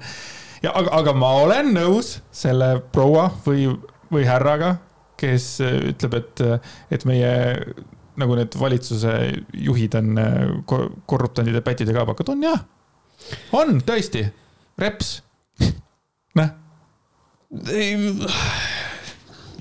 jah, aga selle alus, jah, aga doesn't make pedophilia okei okay., sellepärast et see on nagu antud kontekstis on nagu minu arust on see põhiline probleem. Ja mulle meeldib see väide ka, et ajakirjandust see ei huvita ja korruptsioon on okei okay, ajakirjanduse arvates, see on nii libe, see on nii libe argument, et ajakirjandust see ei huvita, on vale ja korruptsioon on ajakirjanduse arvates okei okay no võttes arvesse, kuidas ajakirjandus sellest pasundas, siis you are a dumb fuck. et joo bensiini ja röhitse küünlasse, minu soe soovitus. jaa, aga nüüd tuleb kindlasti minu kõige lemmikum artikkel, mida ma olen lugenud viimase, ma ei tea, pika aja jooksul. mu abikaasa annaks sulle praegu kannaga pähe, et sa niimoodi ütlesid. kõige lemmikum, sellepärast sa tahad, et saab olla ainult lemmikum. okei okay. Sorry. absoluutselt ei mõelnud selle peale et äh, minu lemmikartikkel, mida publitseeris minu lemmik äh, ajakirjandusväljaanne Objektiiv yeah.. ja räägime siis sellest. Äh, ehk siis äh, väidetavalt homoseksuaalsusest vabanemine, et äh, kellel on tuttav selline konservatiivne aktivist nagu Milo Yiannopoulos, siis ähm, väidetavalt on teinud oma homoseksuaalsele elustiilile selja pööranud. kes ei tea, kes on Milo Yiannopoulos, siis Milo Yiannopoulos on, on paremäärmuslane, kellel üheks tema asjaks, mida tema hästi palju ära kasutas, oli see, et ta oli gei. ja ta ikka kasutas seda ära, ta oli nagu selline väga, kuidas, kuidas ma ütlen, kui te kujutate ette sellist um, offensive gei-meest me meedias, kuidas saab gei-meest kujutada, siis Milo oli selline. ja, ja ta on nagu täiesti pöörane, ta on feministide vastane. Noh, otse loomulikult ta on konservatiiv, ta on abortide kõige selle vastu, aga ta vihkab, vihkab feministe. ja nimetab neid, et need on dumpy lesbians ja noh, kasutab selliseid hästi koledaid väljendeid ja, ja, ja kõike seda ja ta ütles, tema seisukoht oli see, et et, et ta ajab vastasosapoolt väga nagu närvi, sellepärast et nagu ta ütles, I don't have a horse in this race, sest et ma olen homo. ja ta kasutas oma seda, ta tegi ennast selliseks nagu kuidas ma ütlen, siukseks tokeniks kogu aeg, et noh, mina olen, noh, et ma olen, ma olen homo, aga ma arvan niimoodi ja nüüd äh, siis, mis temaga juhtus, oli see, et vähe sellest, et ta on täielik lollpea, äh, kuigi ta on väga hea kõneleja, ta on, ta väga hästi oskab rääkida, ta oskab väga hästi väidelda kõike seda. siis lisaks sellele, et ta on äh, konkreetselt ühe följetoni tembeldanud päris, päris uudiseks, mida ta oma saates on öelnud, et noh, see on nüüd päris uudis. mis see följeton? följeton on no, naljalugu, mida ajakirjandus välja laseb. tavaliselt on need igal pool on alati kirjas, et följeton või följeton. välja arvatud siis lugejakiri, sellepärast et lugejakiri näiteks on saavutanud sellise taseme, et sa näed lugejakiri, sa tead, et see ei ole päris, et, et see on nagu naljauudis, nagu The Onion näiteks aga siis ta luges ühte siukest naljauudist ja arvas, et see on päris ja siis ta nagu cover'is seda ja siis ta, ta sellepärast hästi palju on tema üle naerdud ja siis ta ühel hetkel kaitses pedofiiliat, mis oli hästi pöörane, et äh, ta ütles seda, et gei kogukonnas võivad olla sellised äh, suured vanusevahed, eriti kui tegu on ka ala, alaealisega, võivad olla väga positiivsed kogemused. Äh, ehk siis noh, toetas pedofiiliat ja siis, ja siis ta nagu, tal paluti Breitbartist ära minna kui Breitbart käsib kellelgi, no Breitbart on see, kus kohas Varro Vooglaid saab oma uudised, Breitbart on täpselt samamoodi sihuke paremäärmuslik äh, sait, kus koha peal kajastatakse jutumärkides uudiseid, mis on üliväänatud narratiiviga kõik. ja kui sealt lüüakse inimene ära, siis see on nagu, nagu jaiks. Ja Milo oli totaalselt cancelled nagu ta oli nagu ei cancelled individual, et äh, tal Twitteri kontot ammu ei olnud, Facebooki ei olnud. ja ma leian, et see on tema viis, kuidas äh, üritada pildile tagasi tulla, on see, et ta siis läks sihukesesse kohta nagu see Christian, äh, mis on conversion therapy. et nüüd ta vabanes homoseksuaalsest elustiilist, elustiil siis viitab sellele, et, et see on valik mm -hmm. olla homo ja ta ise ütles ka, et ta oli homo sellepärast, et ta tahtis oma emale vastu seista mis on äh, tore ja vahva narratiiv, aga ma tuletan meelde, et äh, Objektiiv vahendab uudist siukselt toredalt saidilt nagu Lifesite News, mis on padukonservatiivne väljaanne, mis on täis inimesi, kes on äh, nende poliitiline, poliitiline see, need poliitilised prillid, mis neil ees on, muudavad kõiki fakte ja väänavad narratiivi kogu aeg, nii et ma ei tea, selle asja väärtus on suht null minu jaoks mm. -hmm. aga ta on selja pööranud siis äh, homoseksuaalsusele, onju. ta on sellest pahest nüüd vaba mm. -hmm. lisaks on mees end pühendanud pühale Joosepile äh,. ja tal nagu noh, sekulaarsed katsed patust vabaneda on kas ajutised või täielikult ebatõhusad. lunastust on võimalik saada, saavutada ainult läbi pühendumuse Kristusele ja pühaliku katoliku ja apostliku kiriku tegude kaudu ja siis minu, jälle üks minu lemmiklauseid oli see, et muidugi ei tundnud ma end homoseksuaalsuses, homoseksuaalses elustiilis kunagi täiesti koduselt, aga kes tunneb või üldse võiks tunda mm.? no siin on, tal on jube hea seda väita, sellepärast et nagu ma ennist ütlesin ka, siis ta on nagu olnud hästi selline, noh, see inglisekeelne sõna on flamboyant. et ta on kogu aeg olnud selline hästi nagu avatult, avatult gei mees ja, ja noh, tegelikult ütleb, et ta ei ennast kunagi mugavalt tundnud, et ilmselt, ilmselt ta siis nüüd tahab seda narratiivi luua, et see oli mask tema jaoks mina arvan.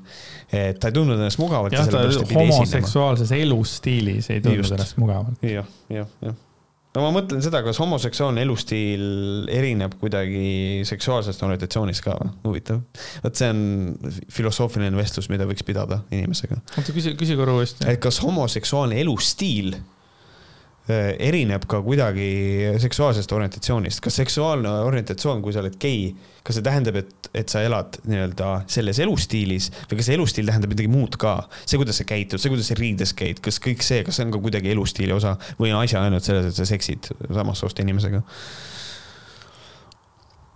Sellepärast, noh, ma tean, see väide on, et see on seesama asi, aga nagu see on nagu tore mõtteharjutus nagu sellegipoolest, et noh, et aga kas see elustiil, kas homoseksuaalne elustiil, mida see tegelikult tähendab, see elustiil, pea nagu veel või kas see ongi ainult see, et whether you stick your ding-dong, kas see on nagu ainus asi või?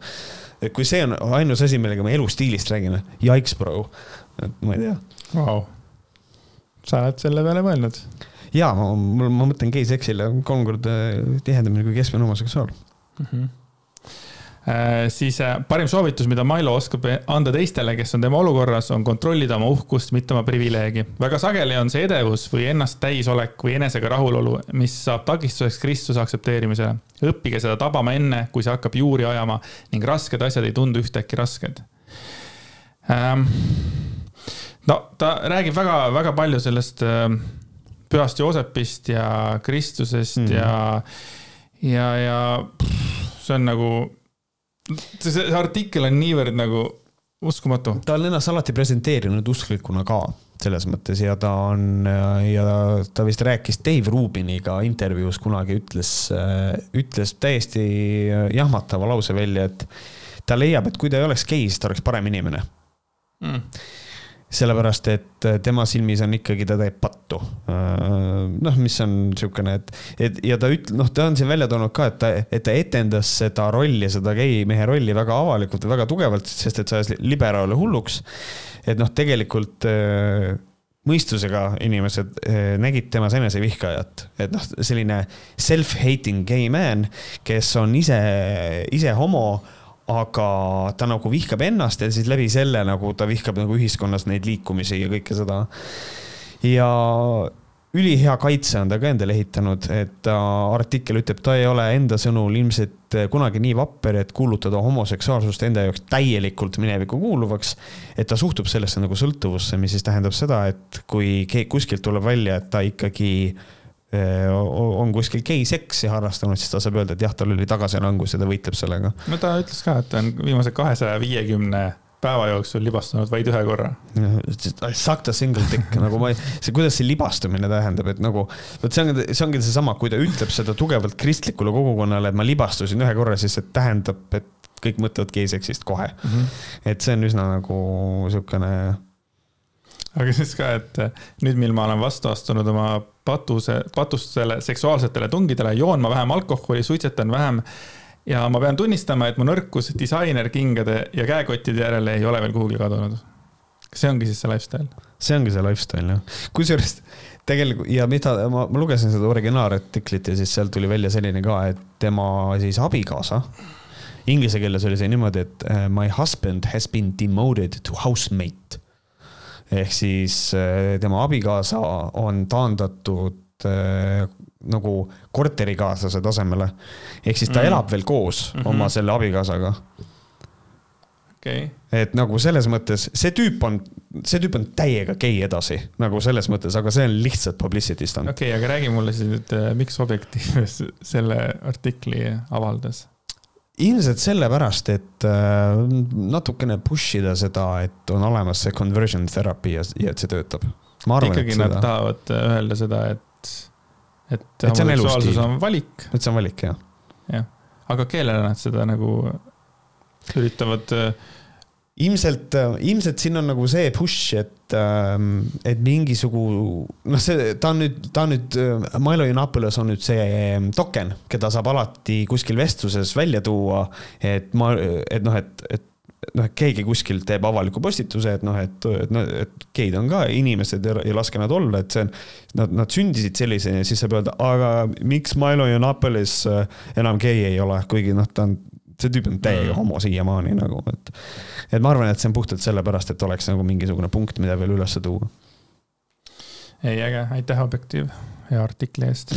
ja see, selle artikliga väga hästi sobib ka üks kiri siia. nii, võta ette võtan ette, selle kirja saatis meile siis Miia ja kiri on selline. Teile kallid võhkarid, Märt ja Andres. kirjutan teile kui Märdi jälgija ja võhkarite fänn. viimases Märdi laivis kõnelesin Märdiga teemal energia ja tarokaardid, teadus või mitte teemal endal ma Märdi arvamust küll ei muutnud, aga ise sain teada, et olin väitnud midagi, mis polnud tõsi, mistõttu ma seda ka peale vähest uurimist talle ka teatasin. sellele tulnud reaktsioon oli minu jaoks üllatav ja positiivne. natukene annan, annan siis tausta, et, et tõepoolest mul oli Miiaga täiesti konkreetne vestlus oma live stream'i ajal, kus kohast Miia ütles seda, et noh, et tarokaartide taga on teadus, ma ütlesin, et ei ole. palusin talle artikli leida ja siis ta leidis ja seesama artikkel, mis ta andis, ütles, et tegelikult see on pseudoteadus. et seal taga tegelikult teadust ei ole ja Miia tegi midagi, mis jahmatas nii mind kui ka minu vaatajaid, mis oli see, et ta tunnistas, et jah, ei, see on pseudoteadus, ma eksisin. ja oma vea tunnistamine suure sellise foorumi ees on reeglina, inimesed ei tee seda. ja siit siis tuleb, äh, kiri läheb edasi, selles valguses tahaks teada, miks on see nii suur diil inimese jaoks? Et vabandada, kui neil pole õigus. minule endale tundub, et inimesed kardavad teiste arvamust ja seda, et neid peetakse lolliks. mind on kasvatatud olema avatud mõtlemisega ja uurima asju, kui ma midagi ei tea. esiteks äh, ütled seda inimestele, sest see näitab lugupidamist ja on viisakas, teiseks see näitab sinu valmidust areneda ning inimene peaks alati tahtma areneda ma olen hästi nõus selle esimese punktiga. Äh, aga miks on inimestel nii raske vabandada, kui neil pole õigus? ma tooksin näite siis äh, lamemaalaste kohta, et noh, näiteks kui sa oled kümme aastat uskunud, et maa on lame ja su ette visatakse äh, absoluutne tõestus selle peale, et maa on ümar. maa on ümar abs, absoluutne tõestus. siis see tähendab seda, et see inimene on kümme aastat oma elust raisanud selle peale, et võidelda selle nimel, et maa on lame. ja tema jaoks on igatepidi lihtsam öelda, et äh, see tõestus maakera maakerast kui, kui kerast on vale. tal on lihtsam jääda uskuma seda, mida ta on siiamaani rääkinud. ehk siis see on see pühendumisele kulunud aeg, et see läheb raisku, tihtipeale on, on see üks osa sellest. aga teistpidi on olemas ka see variant, et inimesed lihtsalt ei usu mingeid allikaid, sellepärast et keegi on öelnud neile, et neid ei tohi usaldada, et noh. mina võtan nagu võib-olla seda laiemalt kui nagu täiesti nagu tavainimese igapäevaelus mm -hmm. ja ma näen ka, et inimesel on raske vabandada um,. ja ma ei saa, mina ei saa sellest väga hästi aru, seepärast et mina vabandan väga tihti, mitte nagu niimoodi, et ma käin ja kogutan inimeste ees, vaid et, et. kanadalane, sorry et alati, kui ma näen, et ma olen ikkagi kuskil eksinud või kellelegi liiga teinud, äh, siis ma, siis ma vabandan, ma kasvatan ka enda last selle sellises nagu noh sellises stiilis, et ikkagi, kui mina midagi halvasti teen või, või kuidagi käitun võib-olla äh, halvasti, siis ma ka vabandan oma, oma tütre ees. et mina nagu tahaksin teda kasvatada ka selliseks inimeseks, kes saab aru enda vigadest ja on nõus nagu siis selles mõttes nagu noh, ma ei tea, kui suur vastutuse võtmine on, aga mm, -hmm. aga võtma ikkagi nagu vastutust. ja kui mina nägin seda live, live stream'i äh, sinu oma ja siis ta nagu hiljem vabandas äh, selles mm, nagu chat'is, ta kirjutas chat'i, et ta nagu seal ja minul oli veits oli üllatus, et see nagu nii suur asi oli, minu jaoks oli see nagu mm. täiesti nagu normaalne elu osa, et, et, et see tütarlaps tundus juba nagu väga, väga äge tütarlaps juba siis, kui, kui sa temaga suhtlesid, vaata selles mõttes, et mm. Et, et see, et ta nagu ütles, et jaa, et ma eksisin. Minu arvates niisugune elu võikski selline olla, et ma nagu ei alahinda seda, aga, aga see, minu arvates see võikski olla nagu elu osa, et kui inimesed eksivad, siis nad vabandavad. Jah, ma olen nõus. Äh, kuigi noh, siin on alati see taust ka, et, äh, et, et. ja vabandamine inimesed... ei näita nõrkust, vabandamine näitab tugevust, et, et, et see, selle võiks nagu meelde jätta, et paljud inimesed arvavad, et kui ma nüüd vabandan, siis ma nagu näitan oma nõrkust, et ei, vastupidi, sa näitadki seda, et sina, noh, sa oled suurem inimene, et sina nagu saad aru, et sa oled vea teinud mm. -hmm et see, selle asja võiks nagu meelde, et inimesed, kes nagu ei taha üldse vabandada, arvavad, et see on nõrkuse näitamine, ei, samamoodi ei ole ka mäletan kunagi eh, vihastasin, ma lähen hoopis jutuga mujale, et eh, ma ükskord vihastasin, kui keegi kuskil, ma ei tea, Facebooki pani selle, kui mingisugune Rannamajas eh, mingi Kristo hakkas nutma seal, kui hästi kõvasti nuttis seal, et umbes, et Aada läks ära, onju. Kristo, prillipapp või mitte prill, piripill, ma jumala vihastasin selle peale, et tegelikult ka, et ja siis umbes sihukeste nagu inimeste pärast nagu arvatakse, et nutmine ei ole nagu mehelik, kui see mehel oli kurb mm. -hmm. mees väljendas enda kurbust yeah,. see, et yeah. see oli, et see, et ta tegi seda nagu, ma ei tea, sajade tuhandete nagu inimeste ees, kaamera ees onju. kui inimene nutab, kui ta on kurb, see ei ole nõrkus. vastupidi nagu mina, noh, mina olen ka seda meelt, et äh, minu arust äh, tugev mees on see, kes julgeb ennast näidata nagu oma nõrkuseid ka või nagu seda, et no, mingi asi muudab ta kurvaks ja ta nutab, see on nagu see, et näed, noh, enesekindel mees, julgeb. noh, mitte ei ole see, et äh, minu isa ütles mulle, et äh, mehed ei nuta. jah. aga küsi-, aga küsimus sulle, et äh, kui suur vabandaja ja, ja oma vigade tunnistaja sina oled? kui, võtame näiteks suhte puhul Uh, olen üritanud ennast väga palju nagu, nagu, nagu parandada, seepärast et ma, ma ühes striimis ütlesin ka seda, et uh, oma abikaasaga tülitsedes või kui on mingisugune konflikt, siis ma olen jube kiiresti, muutun hästi irratsionaalseks, kohe. ja see on hästi veider, sellepärast et ma üritan kogu aeg olla hästi ratsionaalne, aga nendes olukordades ma nagu ei suuda ja tihtipeale ma ei tunnista oma vigu aga nüüd ma olen üritanud seda nii palju parandada, et äh, tihtipeale ma teen seda liiga hilja, ma olen öelnud mingeid asju, mida ma nagu kahetsen, lähen teise tuppa ja siis mõtlen, et jah, see, seda ma ütlesin, see ei ole õige, seda ma ütlesin, see, see ei ole õige. Fuck'i ja siis ma lähen ja siis olen vabandanud ikkagi enne sees, et, et, et seda on nagu olnud. aga päriselus? noh, üleüldse nagu? Päriselus üldiselt äh, mul on siiamaani, mul on äh, mingisugused inimesed äh, minu vanas kodukohas, keda ma tean, et kui ma neid näen, siis ma tervitan ma pean nende ees vabandama, sest ma olen noore, noorena nendega sitasti käitunud et mul oli see probleem, et kui mind koolis kiusati, siis mul oli vaja ka kedagi kiusata, et ennast kuidagi maandada nagu mingi kahe-kolme inimesega. ja et ma tahan nende inimeste eest kindlasti vabandada, siiamaani ma tunnen seda. aga üldiselt äh, alati on raske äh, tunnistada, et, et sul ei olnud õigus, seda on alati raske teha, aga ma olen valmis seda tegema nagu alati, et selles mõttes, et kui tuleb välja, et kui peaks välja tulema, et, et vaktsineerimine ongi äh, üks suur äh, Big Pharma vale ja kõik nüüd tuleb välja ja et me oleme, meil on mikrokiibid pärast sees, siis ma kindlasti vabandan Kris Kala ees muidugi, sada protsenti. It's not gonna happen, aga muidugi ma olen, mul on, ma olen arvestanud sellega, et ma nagu, ma, ma olen valmis vabandama, kui see tõsi on, selles mõttes mm. -hmm. Ei, väga hea. et äh, ma olen sellele avatud alati. seda on väga tore kuulda et sinust on selline äh, tore härrasmees kasvanud. minust, minust on sihuke äh,, äh sihuke kanadalane saanud. sihuke nolk nagu sa olid, kes ütles halvasti Vartsi kohta, aga nüüdsest on saanud.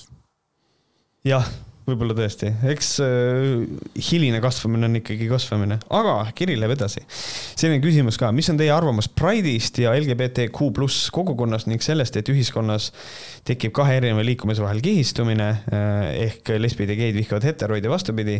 mina ise arvan, et tekkinud aastate sajandi pikkusest tagakiusamisest ja sellest, et LGBTQ pluss kogukonna liikmeid ei võeta tõsiselt. lisaks oleks armas teada, mida te arvate süvahetero liikumisest. mis puudutab igasuguseid liikumisi süvaheterod ja kõik need. see on minu jaoks täiesti arusaamatu, noh, mul, ma olen idealist ja minul on endiselt, mul on nagu see, et ma ei saa aru, miks see inimese seksuaalne orientatsioon üldse oluline, ma ei suuda sellest aru saada. et nagu inimene muidu on okei okay,, aga ma ei suhtle temaga sellepärast, et ta on gei, nagu Jeesus Kristus, sul on mingi probleem siis järelikult. Ehm, miks need, äh, miks seal on see kihistumine, see kihistumine on sellest, et ei suudeta mõista, puuduv empaatiavõime, ei saada aru, et äh, kaks naist võivad üksteist samamoodi armastada nagu mees ja naine. Äh, seal, seal on lihtsalt totaalne suutmatus mõista läbi empaatiavõime sellest aru saada ja mis on teie arvamus Pride ja LGBTQ kogukonnast, ma ei oska sellele küsimusele vastata, sellepärast et see kogukond on tegelikult nii lai ja ka seal kogukonnas on olemas täiesti fundamentalistlikke debiilikuid minu arust. Et äh, laias laastus see kogukond on vajalik, see, et see kogukond oleks nähtaval, et sellest räägitakse, et neile tekiks võrdsed õigused, et me saaks selle nimel võidelda. sellest on see, sellepärast on, on see nagu vajalik, et äh, ma ei tea, ma ei oska seda rohkem nagu kommenteerida sa ütlesid nagu hästi hästi lühikese ajaga hästi palju jälle ära, et sa täna veits nagu hoos või niimoodi. ma olen täna võib-olla valmistunud saateks. ja, ja, ja mina olen ka väga positiivselt äh, kogu, kogu, kogu nende kogukondadega nagu, nagu meelestatud väga mm, -hmm. väga okei okay., aga sihuke asi nagu äh, süvahetero liikumine, mis asi see on? I have never heard of this, et süvahetero. no näiteks äh,. too mingi näide. ma võib-olla eksin praegu, aga et on olemas äh, nüüd sihukene termin nagu super straight. Super straight tähendab seda, et sa oled hetero äh,, aga sa huvitad ainult cis-soolistest äh, naistest. Ehk siis, kes on, kes on nii-öelda naisena sündinud ja määratud naiseks, see siis on siis, meie sinuga oleme siis mehed, Andres. ja siis, et äh, ja kui me oleme superstariid, siis me huvitame siis naistest. Ja, ja, ja see nagu tähendab, minu arust see süvahetero liikumine tähendab nagu seda, ehk siis kui on, on naine, kes on transnaine, siis äh, sa ei taha temaga, ma ei tea, ilmselt kuna see tähendab hetero, siis vist, et sa ei tahaks temaga magada. aga ma mõtlen selle pealt, et nagu abielumehena sa ei tahagi teiste naistega magada, siis kuidas seda veel nimetada? mina ise leian seda, et mul, mul on nagu pohhui, et äh.... ma, ma olen väga üllatunud, et nagu sina jõudsid, kuidas, mida nagu mina tahan, et see, et. ei noh, ma see, mõtlen, et. see, et mina nagu noh, pooldan, ütleme, mingisuguseid inimesi ja ei taha, et mm -hmm. ma tahan no, nendega magada selles ma, mõttes. ma, ei, ma, aga ma peangi mõttes seda, et äh, kui me räägime, et inimene on homoseksuaal või heteroseksuaal või siis super straight, siis see viitab minu arust väga palju neid inimese seksuaalsetele eelistustele. et nagu mina isegi abielumehena, mis ma siis olen äh, wife sexual või, või mis asi ma siis olen, sellepärast et ma ei taha magada te teiste inimestega enam üldse. ma olen selles mõttes turult maas või kas selle peale üldse ei mõelda või kas asi on selles, kas ma tahaksin, kas ma oleksin selleks valmis. see on nii keeruline, et ma ei saa sellest aru ja läbi selle ma ei saa ka aru, miks üldse nagu why do you care who has sex with who, ma ei saa sellest aru see on... selle, sellega ma olen nõus, et äh, meil tegelikult, ma ei tea, aeg on nii kaugel, et meil oleks vaja selliseid koolikiusajaid nagu Varro Vooglaid kasvatab seal äh, kodus. ma loodan, et ta lapsed ei ole koolikiusajad või ma loodan, et. Äh, ei, ma ei mõelnudki, et näed, ta kasvatab koolikiusajaid, vaid ma pigem nagu tahtsin jälle noh, ta, ta aitab kaasa ühiskonnas sellele, et, et mingid, mingid inimesed on vähem väärtuslikud ja mm. -hmm ja ei ole nagu okeid ja juurime selle välja ja siis viskame selle artikliga nina alla, et näed. inimestel on nii palju rohkem äh, ühiskonnale pakkuda, äh, kui Varro Vooglaid mängib, et on, et nagu selles mõttes äh, võib-olla see inimene, kes oleks vähiravimi leiutanud, oli gei, aga ta oli depressioonis, sest et teda koolis noriti ja ta poos ennast võib-olla sellepärast üles, et nagu selles mõttes inimestel on nii palju rohkem pakkuda, et mis vahe seal on, mis, kellega ta magada tahab, see on minu arust nii arusaamatu. või, või veel parem, keda ta armastab või nagu Jeesus Kristus, ma ei saa sellest aru ma olen, ma olen täiesti selgelt arvan seda, et kui Jeesus Kristus öö, oleks elus ja päris, tahaks Varrole vist lõuga anda. mida sa teed? It's all about love, I m a hippie, noh, ma ei tea mm. -hmm. siis me saame siit edasi minna tegelikult isegi sellele, et kui me Varrost juba rääkisime, siis Varrole ei meeldi nüüd see essesaade, mida Eva Esse teeb. kolmas küsimus ka veel aa, õige, ma ei lugenud. vaktsineerimise kohta on mul küsimus. miks ei tehta riigitöötajatele nagu küsitlejad ning osades piirkondades ka sotsiaal- ja vallatöötajad vaktsiine? Lisaks, kas teie arvates peaks? nimelt mu ema on riigitöötaja, temalt võetakse see aasta vaktsiini mittesaamise tõttu ära võimalus puhata suvel. ta on küsitleja ja tema tööülesanneteks oli enne koroonat inimeste juures käimine, nendega näost näkku suhtlemine. nüüd tänu vaktsineerimata olemisele ei saa tema teha oma tööd efektiivselt. loodan tõsiselt, et leiate need teemad olulistena ja mul on hea meel, et Eestis on veel mõningaid ajudega ringi käivad inimesed. Jah, lugupidamise soojade tervitustega, Miia. aitäh, Miia jah, ma leian seda, et äh, riigitöötajad võiksid saada vaktsiini. Äh, et riigiaparaat töötaks, minu arust on see väga mõistetav. veider situatsioon praegu on, et Kaja Kallas istub, köhib kodus, on ju. Mhm. et, äh, et noh, sel hetkel nagu vaktsiini tehtud, kuna taheti olla rahvamehed, eks ole, seal mm -hmm. ja. ja nüüd see on nagu sihuke lollakas, aga minule, helistasin perearstile siin, mul oli vaja mingit retsepti pikendada ja siis küsiti, et kas sa oleks ka vaktsineerimisest huvitatud, ma ütlesin muidugi olen okei okay,, pane kirja, et järgmine nädal siis teeme süsti umbes. aga keegi ei ole mulle rohkem helistanud selles mõttes, et mm. aga ma olin nagu veits üllatunud. ma olin nagu üllatunud, sest ma tean, et nagu, ma ei tea, siin nagu vanemad inimesed kui mina ei ole saanud, aga ju ma ikkagi olen, ju ma siis ikkagi olen riski, riskirühm oma ühe neeruga, nii et mm. äkki, äkki sellepärast või et, et ma olen küsinud teiste käest ka nagu, sõprade töökaaslaste käest, kas sul on ka pakutud, nagu ei ole. Äkki ma siis olengi mm. riskirühm, vaata. võib-olla aga sissejuhatuse tegemise räägime ikkagi ära, et mhm. Varrole ei meeldi essesaade. Äh, noh, lisaks sellele on dokumenti kirjutatud, et Varrost on saanud suur tervisekriisi ja vaktsiini eitaja. Ähm, see selleks. Äh, aga ühesõnaga, et siis Eva Esse saade nimega Esse talle ei meeldi see, noh, mulle ka väga ei meeldinud äh, selles mõttes minu arust selle saate ülesehitus, kuigi mulle tundub, et nüüd nad viivad juba parandusi sisse. Äh, minu arust saate esimest osa on tehtud lühemaks ja nagu minu arust. saate esimest osa on tehtud lühemaks? aa, sa mõtled see, et alguses see. see monoloogi monoloog. osa, monoloogi osa on tehtud. jah, see, et ma olen ka näinud neid kolme monoloogi ja kõik need on kohutavad. ja minu arvates ütles isegi ma tsiteerin Markus Järvit peast praegu, minu arust Markus Järvi ütles selle kohta tegelikult päris õigesti, et kuna need tekstid on kirjutatud Mihkel Raua poolt, siis et Mihkel Raud võib-olla mängiks oma šarmandiga, šarmantsusega ja oma sellise karismaatilisusega, nagu tema on, mängiks need monoloogid välja, aga Eva Essele Mihkel Raua kirjutatud tekstid ei sobi olen, olen siinkohal seisukohal, et Markus Järvi ründas sellega Eva Esset lihtsalt. okei, aga, aga, aga mina nagu kohe-kohe sel hetkel, kui ma selle ära kuulsin, siis ma hakkasin mõtlema, et jah, võib-olla Mihkel Raua sellise mingi äh, stiiliga, mida ma räägin, võib-olla need isegi toimiksid, aga mulle ka ei meeldi tegelikult see, kuidas Eva Esse neid eset esitab ja need tekstid on mingid nagu nagu nii full of iroonia, et ta ei ole isegi nagu naljakas nagu. minul on, minul on endal see küsimus, et mind huvitab, kas Mihkel Raud kirjutab äh, teksti valmis ja Eva Essa loeb selle läbi ja siis esitab seda, noh, ta loeb seda prompterist onju, et aga kas ta lihtsalt esitab selle ära äh,. mina kindlasti soovitaks Essel, minu suureks õnneks on see, et äh, kui ma Ongi Koiki tegin, siis Kaupo Meiel äh, kirjutas teksti niimoodi, mida ma tundsin, et kui ma ta, üritaks natuke viisakamalt tekste kirjutada, siis ma kirjutaksin ise samamoodi. ja need nagu sobisid mulle, ma ise tunnen eh,. muidugi noh, ränditekstid ma kirjutasin endale ise, et võib-olla sealt tuli ka seda isikupära rohkem välja. jaa, aga sa ei tõmmanud ka kümme minutit tegelikult ja monolooge. jah. sinu monoloogid olid palju lühemad ja aga noh, kuhu ma jõuda tahtsin, on see, et huvitav, kas, et Eva võiks, kui ta seda ei tee muidugi, kui ta teeb, siis, siis on tore, aga et Äh, ta võiks need ümber sõnastada või parafraseerida mingeid asju nagu endanäolisemalt, et siis võib-olla nagu tuttav või rohkem proovi teha, et äh, see variant on.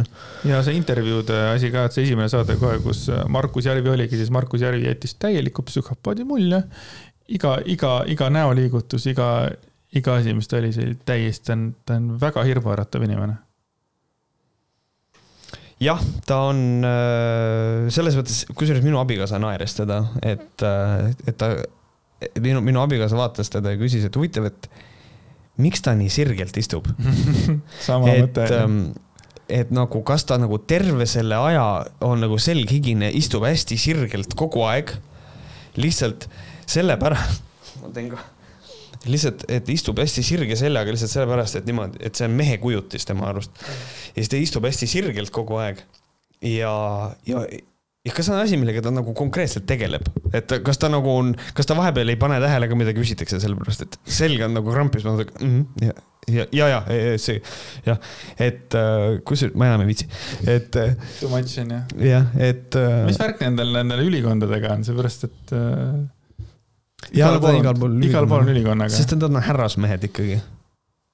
Nad on pool härrasmehed, sellepärast et kui nad tegid Zoomi kaudu ühe, ühe objektiivi saate, siis äh, Varro oli kampsunis, aga Markus istus ikka oma kuradi magamistoas ülikond seljas nagu see on jah, Potjomkini küla on see põhimõtteliselt, et see on lihtsalt muru on roheliseks värvitud, sellepärast et Brežnev tuleb küll. tema ei oska kuidagi niimoodi istuda, hästi ebamugav on et äh, siis selline, aga ühesõnaga siis mida Varro teeb, on see, et äh, Varro ütles seda, et äh, esimese saate pinnalt on selge, et see saade on selline vasakliberaalide poolt tehtud saade, mille eesmärk on siis konservatiivseid rahvuslikke ja kristlikke veendumusi põhimõtteliselt neid hurjutada ja mõnitada.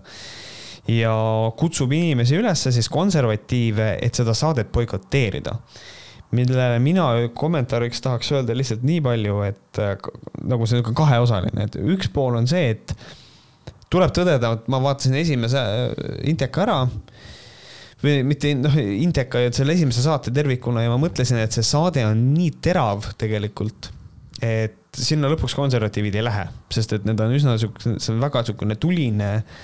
Äh, noh, et ma kardan, et, et selle saate eluiga lähebki nagu sinna, sinna rappa ära, et kuna nad on nii, niivõrd tulised ja teravad konservatiivide vastu ka seal, et siis lõpuks sinna ei minda enam. et ma leian, et see on väga võimalik. teisest küljest on minu arust ülimalt naljakas, et Varro Vooglaid kutsub ülesse. Varro oma... Vooglaid kutsub kõiki asju, kõiki inimesi ülesse, nagu sa näed. jaa, absoluutselt et ta kutsub konservatiive ülesse, et nad ei läheks oma seisukohti kaitsema. ehk siis Varro Vooglaid annab mõista seda, et kui sa oled konservatiiv, siis ära kaitse oma seisukohti avalikult. minu arust ei ole olemas paremat viisi, kuidas endale inimesi juurde võita, kui osaleda avalikus debatis ja oma vastane totaalselt retooriliselt alistada see ei ole nagu, see on kõige parem lahendus. no vaata, ta ei olnud ka seal äh, pihitoolil tegelikult see Markus Järvi, et ta istus seal lihtsalt nagu mingisugune tupes emm lihtsalt nagu, talle ei antud väga midagi sõnagi paar korda küsiti mingi suvaline küsimus ja siis nagu mindi edasi. et oleks ta seal võib-olla istunud seal Hando Tõnumaa koha peal, ta oleks olnud nagu rohkem võimu, aga nagu minu arust nende käest nagu see võim võeti ära, et ta oli lihtsalt veel üks neljast, vaata. siis kui see Markus Järvi seal oli, et seda noh, ma arvan, et see ongi nagu sellega seotud, ma kujutan ette, et kui seal oleks selline, ma ei tea, kolmeraudses stiilis või noh, ilma siis nagu Mihkel Rauata ütleme, et seal omavahel vestlemine ma ei tea, ma arvan, et see asi oleks olnud kuidagi võrdsem ja isegi kui Eva Esse ju mingi, küsib mingisuguseid küsimusi, mis nagu Markusele ei meeldiks või Varrole, siis tegelikult nad on ju professionaalid tegelikult, ma kujutan ette, et nad suudavad kõiki ümber rääkida. Jah, ma arvan, et neil on tehtud. et, et see on nagu veider, et kas nagu Varro siis kardab, et siis nagu kõik äh, konservatiivsete väärtustega inimesed siis nagu tambitakse jälle ära, kas ta ei usalda siis nagu enda mõttekaaslasi või, või, või ma arvan seda, et tegelikult see ongi see probleem, ma hakkasin praegu mõtlema, et äh, võib-olla on niimoodi, et noh, et äh, tõstatame niisuguse hüpoteesi, et äh, Markus ja Varro on ilusasti Poolas või kuskil välja koolitatud, meil siin oraatorid mm, -hmm. konservatiivsed oraatorid, ma, see ei ole faktiväide, Varro, chill. aga oletame siis tegelikult see võib päris halvasti mõjuda nende liikumisele, kui lähevad äh, ilma väljaõppeta konservatiivid oma asjades seisma, sest et see võib vähendada usku konservatiivsetesse vaadetesse, et siis võib-olla küll pigem sundida inimesi, et ärge minge, ärge minge. ja ära unusta ära, kuhu, kuhu poole nad liiguvad, nad liiguvad sinna, et äh, neil on oma need platvormid, et see peavoolumeediasse nad nagu tegelikult äh, noh, samas muidugi ta teeb ise Postimehes saadet, aga, aga see on ka tema ise ainult mm. -hmm. et nad nagu teevad, ehitavad ka nagu arvates seda, noh, nad ei ole muidugi Trumpid, aga sihukest nagu vaata oma, oma neid platvorme, millest ma olen varemgi rääkinud, et nagu mm ka ta seal nagu, ma ei tea, noh ja tundub, või? vist jah, nüüd siis niisugune asi ka, et kuivõrd saade on ehitatud üles saate tegijate ebameeldivate külalistele naeruvääristamisele, asetades nende intervjuud neile teadmata halvustavasse konteksti, monteerides intervjuusid vastavalt saatemeeskonna suvale jõupositsioonilt. ma lihtsalt tahaks kommenteerida, et saatemeeskond on alati jõupositsioonil, kui seda saadet teeks äh, konservatiivse vaadetega inimesed, siis oleks nemad jõupositsioonil, saate tegija on alati jõupositsioonil. et see on minu arust nii veider veider äh, selline, selline statement. teine variant on see, et äh, tee leping enne, kui sa lähed ja nõua materjal enda kätte ja siis sa saad näidata seda päris vastust, mis sa andsid, aga vaevalt. ja ta paneb selle telefoni taskusse ja lindistab nagu pealtnägija. ja, pane, pane telefon taskusse ja siis äh, see oli see Pealtnägija, see, ta, mis ta salvestas, see oli nagu nii äge lihtsalt, et vaadake, mismoodi peavoolumeedia valetab ja siis on lihtsalt see, et nagu it's still the same. täpselt sama. täpselt sama. natuke nagu. pikem lihtsalt, vaata et see on ikka üli, ülinõme ja siis ta tag'is all ära igasugused inimesed nagu Helmet Põlluaasad, Reinsalud, Riina Solman. Helir-Valdor Seederi. Eh, Kalle Grünthali otse loomulikult ja, ja, ja, ja siis otse loomulikult lõpetas väga olulise lausega, palun jagage hüüumärgiga, mida. aga see, see lause ka, et siis saab olema huvitav näha, kuidas nad saate formaadi ilma selliste külalisteta välja mängivad. no vot nii mängivadki ühepoolselt mm. -hmm nagu see on tegelikult minu, minu arvates ka nagu isegi nagu kehvem variant ju. jah, ühepoolselt mängitakse välja lihtsalt sellepärast, et ei ole nõus meedias kaitsma oma seisukohti, mis on lapsik ja loll ja nõme ja sitt. aga noh. kui, kui, kui esse, noh, sul, sulle kirjutatakse, et davai, Märt, tule nüüd. Läheksid igal juhul või ikkagi tahaksid teada, millest me räägime või? No ilmselt, kui kutsutakse, siis mulle öeldakse, et millest me räägime, aga ma arvan, et ma läheks ikka jah, muidugi, miks mitte. mul ei ole mitte midagi kaotada. enese, eneseväärikust mul ei ole, sest ma olen Liberist, vaata, mul, ma olen nõus minema muidugi. kusjuures selle esimese kõige esimese teemaga, mis meil oli see Sõidame Eesti vabaks, onju mm, -hmm. siis ma juba nägin ka, et siin ei olnud üks inimene, vaid juba päris paljud inimesed olid selle, et sina, kes sa osalesid seal, palun lahku minu sõbralistist. et see tekitas ja. selle Kristjan Lüüsi, Kristjan Lüüs oli muidugi ajast ees. aga see nagu asi hakkab niimoodi liikumagi, et kui sulle ei meeldi see asi, siis tõmba nahku mu sõbralistist jah, no mis on, taaskord ütlen seda, et äh, alati on see, kui sa tahad, et inimesed su sõbralistist ära lähevad, siis sa pead arvestama sellega, et nii sina kui ka see teine inimene, kellele sa üleskutse teed, nende infoväljad äh, kahanevad. ehk siis, kas see on see, mida sa teha tahad, kui sa tunned, et sa tahad pigem elada kajakambris või äh, see ei ole kuidagi Kaja Kallasega seotud, see sõna Kaja Kamber. ei, ei, siis, siis sa pead sellega arvestama, et kui sa tahad, et sul oleks sõbralistis ainult need inimesed, kes mõtlevad sinuga samamoodi ja sa ei taha näha, mida räägib see teine osapool, siis see on okei okay., kui sa oled sellest teadlik. et see on asi, millega sa pead alati arvestama mm. -hmm aga järgmiseks teemana on siis see, millest ma olen varem rääkinud ja mis lõpuks ära tehti. ma arvan, et siiamaani kõige parem asi, mis vastu on võetud. et siis seitsmekümne kolme, seitsmekümne kolme poolthäälega äh, kiideti siis heaks äh, psühhiaatrilise abi seaduse muudatus, mis lubab alla kaheksateistaastastel noortel pöörduda iseseisvalt psühhiaatri poole. noh, muidugi seitseteist, seitseteist saadikut hääletas ka vastu. terve aga... EKRE fraktsioon vist. just, aga see on üks äh, vägev asi, mis tundus, et pool aastat tagasi ei ole võimalik jah, aga näed, tehti ära ja on korras ja on, ja on valmis. palju õnne äh, kõikidele alaealistele, kes tahavad minna nüüd äh, psühhiaatri juurde, et te saate seda teha, muidugi see, kas see nüüd on kinnitatud või, ühesõnaga põhimõtteliselt varsti saate. see on tore mm räägime siis nüüd võib-olla, lähme kohe jooksuga selle peale, mida ütles siis Eesti Vabariigi, ei, mida ütles sinu kooliõde? Ei, still uut, uued uued kuulajad, kes on, siis Gert Kingo on minu kooliõde. just, et Gert Kingo siis võttis äh, sellel teemal sõna ja ta ütles asju, mis on väga Gert Kingolikud, ehk siis äh, nagu ma olen ühe, kirjutanud ühe, ühe oma kommentaari peale, loll, loll, loll lihtsalt. Äh, ehk siis Gert Kingo seisukoht oli selline, et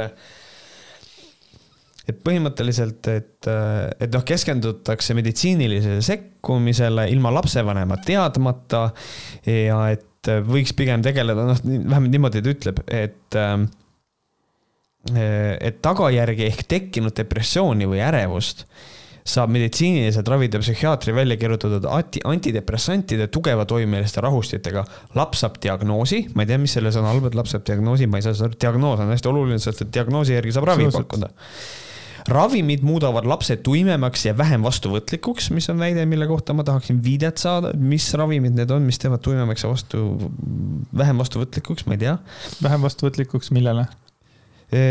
Seksuaalsele vägivallale või? või üldse vaimsele vägivallale või siis üldse maailmale, no vot, see ongi, ma, ma tahaks teada, mida ta siin mõtleb okay..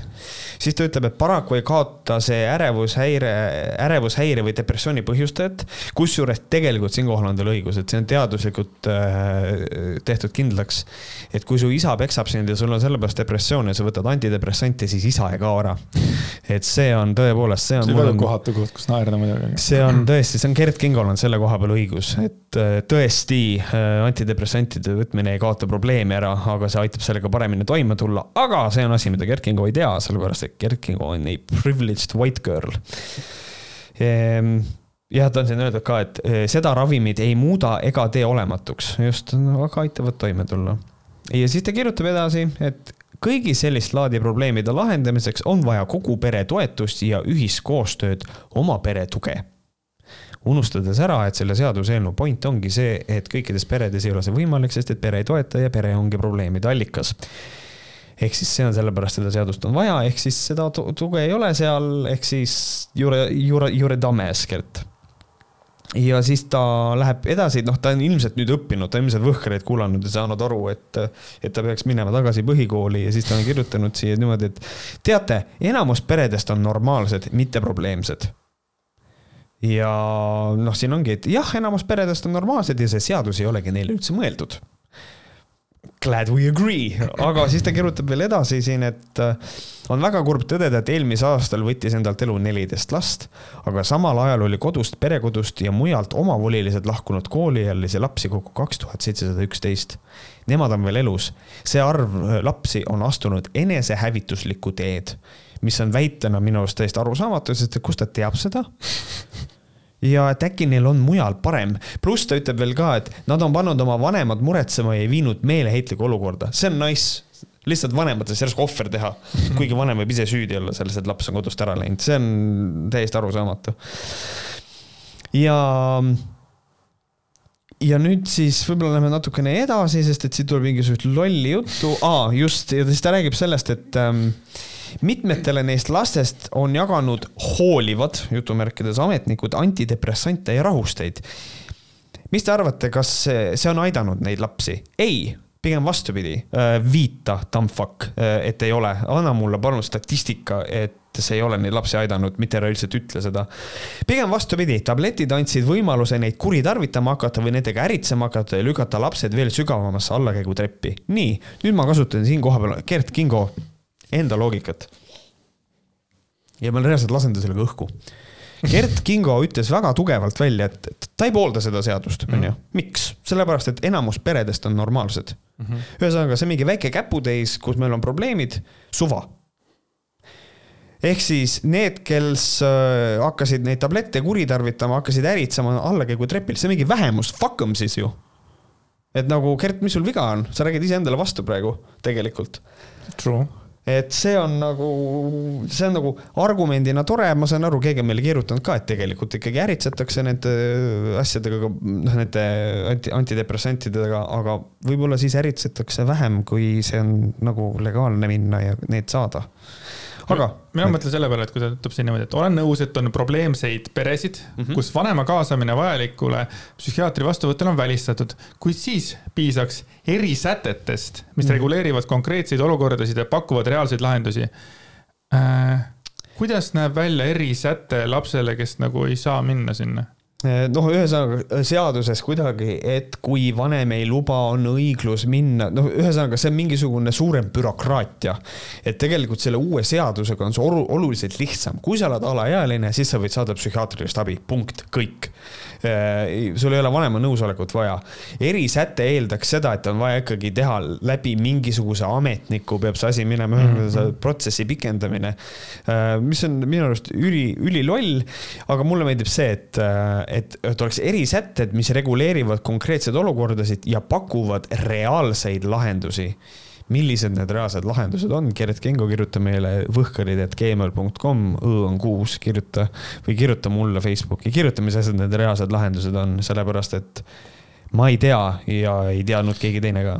no jah, aga ta on ju öelnud seda, et lihtsalt, et perekond äh, peab toeks olema ja tema jaoks ongi nii loogiline see on tema jaoks loogiline. see on nii loogiline, nii palju, see on jah Privileged white woman. ei, see on ikka need hobuseklapid, vaata, et täpselt noh yeah., ei ole probleemi.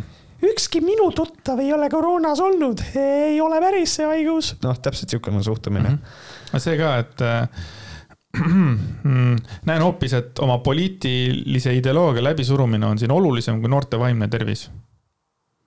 lapsed soovitakse võõrandada oma peredest ja eemaldada oma peretoest. noh nagu ei. mis, mis loogika see nüüd siis jälle on? võõrandada oma peredest. lapsed soovitakse võõrandada oma peredest ja eemaldada oma peretoest, see on siis nagu liberaalsed ideed, siis on see, et võõrandame lapsed oma peredest ja eemal-, eemaldame oma peretoest. kas, kas Gert Kingo kujutab ette, et liberaalsed väärtused on nagu va-, täiesti noh. ma isegi ei saa aru. Nad on nagu täiesti nagu no ma ei tea, et. Äh, et, et, et noh, et liberaalne tähendab seda, et. Äh, et pere ei toeta. peresid näiteks. ei ole. jaa, õige. lapsed, noh. ja, ja ei, kõik on ju need. Äh, kesksoolised ja. kesksoolised vahetavad sugusid ja, ja, ja, ja mees ja mees on ja ei, see ei ole kõik okei okay ja, ja. et see ongi. ilmselt jah et selles mõttes äh, Kingo on erakordselt rumal ja kuigi ma tahan öelda seda, et ma olen täiesti pööraselt hämmingus, et ta oma postituses ei ole sellest soo vahetamisest teinud sõnagi. seekord? seekord ei ole. tavali-, ja, ja eelnevalt, eelnevalt on alati öelnud seda, et ja. nüüd, kui saavad psühhiaatri juurde, hakkavad nad kohe massiliselt sugu vahetama, mhm. see oli tema eelnev mõte. igatahes äh, me oleme Gert Kingole andnud jälle liiga palju krediitit selles mõttes, et äh, tema debiilsed mõtted jäidki sinna äh, uhuu, uhuu mm -hmm. ja ilusti võeti see mm, seadus vist, ma ei tea, kas ta vastu, vastu võeti, aga see, mis siin oli, et siis kiidet-, kiideti vähemalt eh, heaks see yeah. seadusemuudatus. ja ma arvan, et see võetakse vastu ka. ja ma arvan, et see on kõige parem seadus, mis on viimaste aastate jooksul tehtud, mul ei tule praegu ühtegi paremat nagu meelde mm. -hmm. noh, nüüd tuleb järgmine asi, siis mingisugune seksuaalne asi Äh, tõstetakse seda numbrit, on ju, sellega tegeletakse, et. sellele ilmselt ei ole keegi vastu. sellele ei ole vastu, jah. ma, ma kahtlen selles, ma tahaks neid vastuhääletajaid muidugi näha. kurat, ma, ma mõtlen, et Gerd Kingo vist on niisugune inimene, vist on. kas, kui ta on metsas ja ta hüüab uhuu ja siis, kui Kaja vastu tuleb, siis ta küsib, kes on. noh, see ei ole nagu reaalne lihtsalt, see on, noh, ta on ikka, see jutt on nii loll, et ma ei tea. mitu häält tema saab valimistel, mis sa arvad? teeme praegu ennustuse. Praegu rohkem kui kaksteist ma pakun, aga ma ei, ma ei oska öelda. okei okay,, kumb saab rohkem hääli, kas Monika Helme või Gerd Kingo? Monika Helme. okei okay ma arvan, Monika Helme. sellepärast, et tal on äh, privileeg istuda. ma ei lõpeta seda lauset, see oleks läinud nii, nii, nii halvasti. Äh, kirjad äkki võtame mm. -hmm. tervitus, meenus, meenus üks selline selliste veidi lameda mõistusega inimeste, ma hakkan otsast peale, tervitus meenus üks väljend selliste veidi lameda mõistusega inimeste vaidlemise kohta, väljend lollide laste ema on alati rase. minu jaoks selgitab see pisut kogu seda kala, Telegrami, lamedat maad, 5G-d ja maskivastaste seltskonda, jätkake samas vaimus, Marko.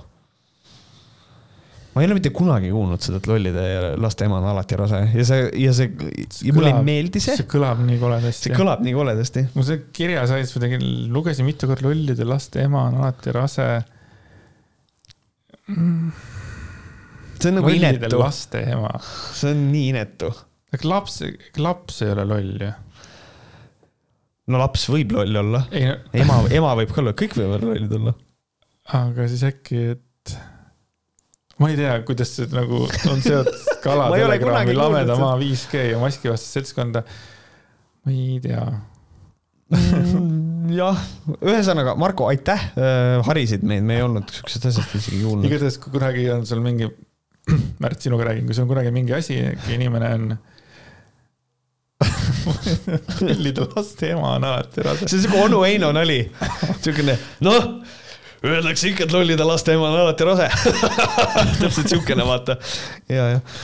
ja, ja siis on äh, Linda kirjutanud ka kirja, et hei, te olete rääkinud Venno Loosaare juhtumitest, aga ma ei ole märganud, et te oleksite maininud ka seda case'i kus ta ühele lapsele perversseid kirju kirjutas. Sorry. Äh, süüdistusele see lisatud ei ole, aga kahtlemata ei näita see teda heas valguses. Tema vestlus tüdrukuga meenutab äh, veidi Peeter Helme juttu. Pole küll päris nii räige, aga ilmselgelt ei ole ka normaalne siis on link sellele. jah, siis äh, pärast seda Kuuria saadet oli jätkuvalt Loosaare kaitsjaid ja õigustajaid, kes peavad seda nõiajahiks ja tüdruku juttu üritati diskrediteerida väitega, et Solarist polnud siis veel olemaski. no see oli mingi Solarise. ma mäletan seda, ma mäletan seda ja. Loosaar, Loosaar ise ütles, et prokuratuur mõtles selle asja välja mind ennast lihtsalt häirib, et talle igasugu vabandusi ja õigusi otsitakse ja tegelikult on neid tõendeid tema pedofiilsuse kohta juba mitu. jõudu ja jaksu teile saate tegemisel, olen olnud kuulaja algusest saati ja mulle väga meeldib. tervitus, Linda. aitäh, Linda, et sa oled olnud algusest saati. mul on väga soe so,, soe koht kõigi meie kuulajate jaoks eriti soe koht on nendega, kes on meiega algusest saadik koos seda ride'i nagu teinud mm.. ja sina, kes sa alustasid eelmisest korrast ei, see selles mõttes, et ega inimesed, noh, see, kuidas inimesed jõuavad selle võhkariteni, ega nemad selles mõttes ei ole süüdi, vaata mm. -hmm. et äh, nagu öeldakse, siis äh, lollide laste ema on alati rase aga jaa, sellest Venno, Venno teemas ja Kuurja võttis selle võttis selle teema ette ja, ja. mis see Solari on... case oli? põhimõtteliselt ah,. et leppis kokku midagi või? ja, et kuskil nad pidid kohtuma kuskil ja siis keegi ütles, ei, Solari keskusest, keskust ei olnud siis üldse olemaski.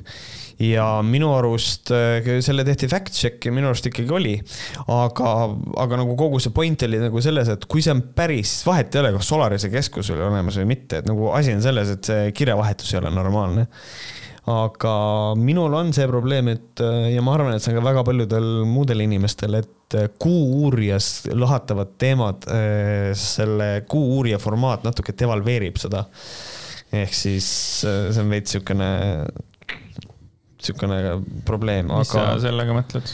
no, sest et Kuu-uurija on selline, kuidas, kuidas ma ütlen, ma kui ma kasutan nagu terminit clickbait'i siis sa vist saad aru, mida ma mõtlen, et selle, seal käidakse siuksed suured loosungid ja laused välja ja siis seal nagu seda probleemi ennast tihtipeale ei ole. ja siis, kui seal lahatakse mingisugust päris probleemi, siis äh, inimestel on võib-olla inertsis sees see, et noh, see on tead sihuke meelelahutuslikum saade ja kõik see, et ja juba see, kuidas kirju ette loetakse, et tehakse seal hääli kui kirjade ettelugemisel, et. siiamaani või?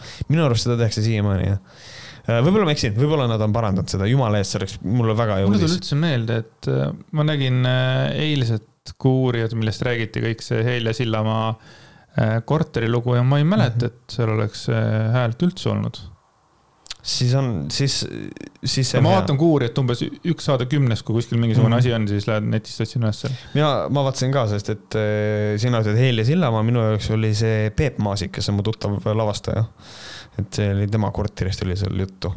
ma mõtlesin sinu peale, kui ma seda venda nägin mingil põhjusel no,. ta on umbes, umbes sama vana ja arvatavasti. ta on mu põhimõtteliselt koolivend. kaks aastat läks just nooremana. just, et ta on äh, nooremal kursusel oli. oota, proovime kõigepealt selle Venno Loosaare asja mm. -hmm. jaa, see asi oli juba siis oli fucked up, juba siis ma sain, mina sain oma, mõtlesin oma peaga teise inimese juttu kuulates ja sain aru, et äh, see asi on perses. Äh, see meilide teema oli fucked up ja jah, me ei ole seda nagu, meil ei ole olnud põhjust seda nagu meelde tuletada, sest et äh, mm,. siin on süüdistustele seda lisatud ei ole, et, et siin on nagu see, et kui ta neid perversseid kirju saatis, et need õnneks, nagu see, seda on hästi nõme öelda, aga õnneks need on ainult kirjad. aga see on fucked up anyway, et noh, selles mõttes. aga jah, äh, tänan, et äh, meelde tuletasite selle, et äh, nüüd on siis mõelda, kuigi mina olen praegu sellel positsioonil, et ma lihtsalt ootan, mis see lahend tuleb sealt, et. kolmkümmend märts still ootan, kui Venno parasjagu ei lähe koroonatesti andma, nagu see vana hea isamaalane, kes kuses peale oma siis nagu sellele kakluspartnerile. koroonatestile ja siis tal oli ju see istung ja ta ei saanud minna, seepärast ta läks koroonatesti tegema. ja, ja. et see oli selles mõttes päris äge. vot, aga suur tänu kirja eest. kirjutage meile veel. okei okay,, aga Helja Sillamaa loost räägi nüüd.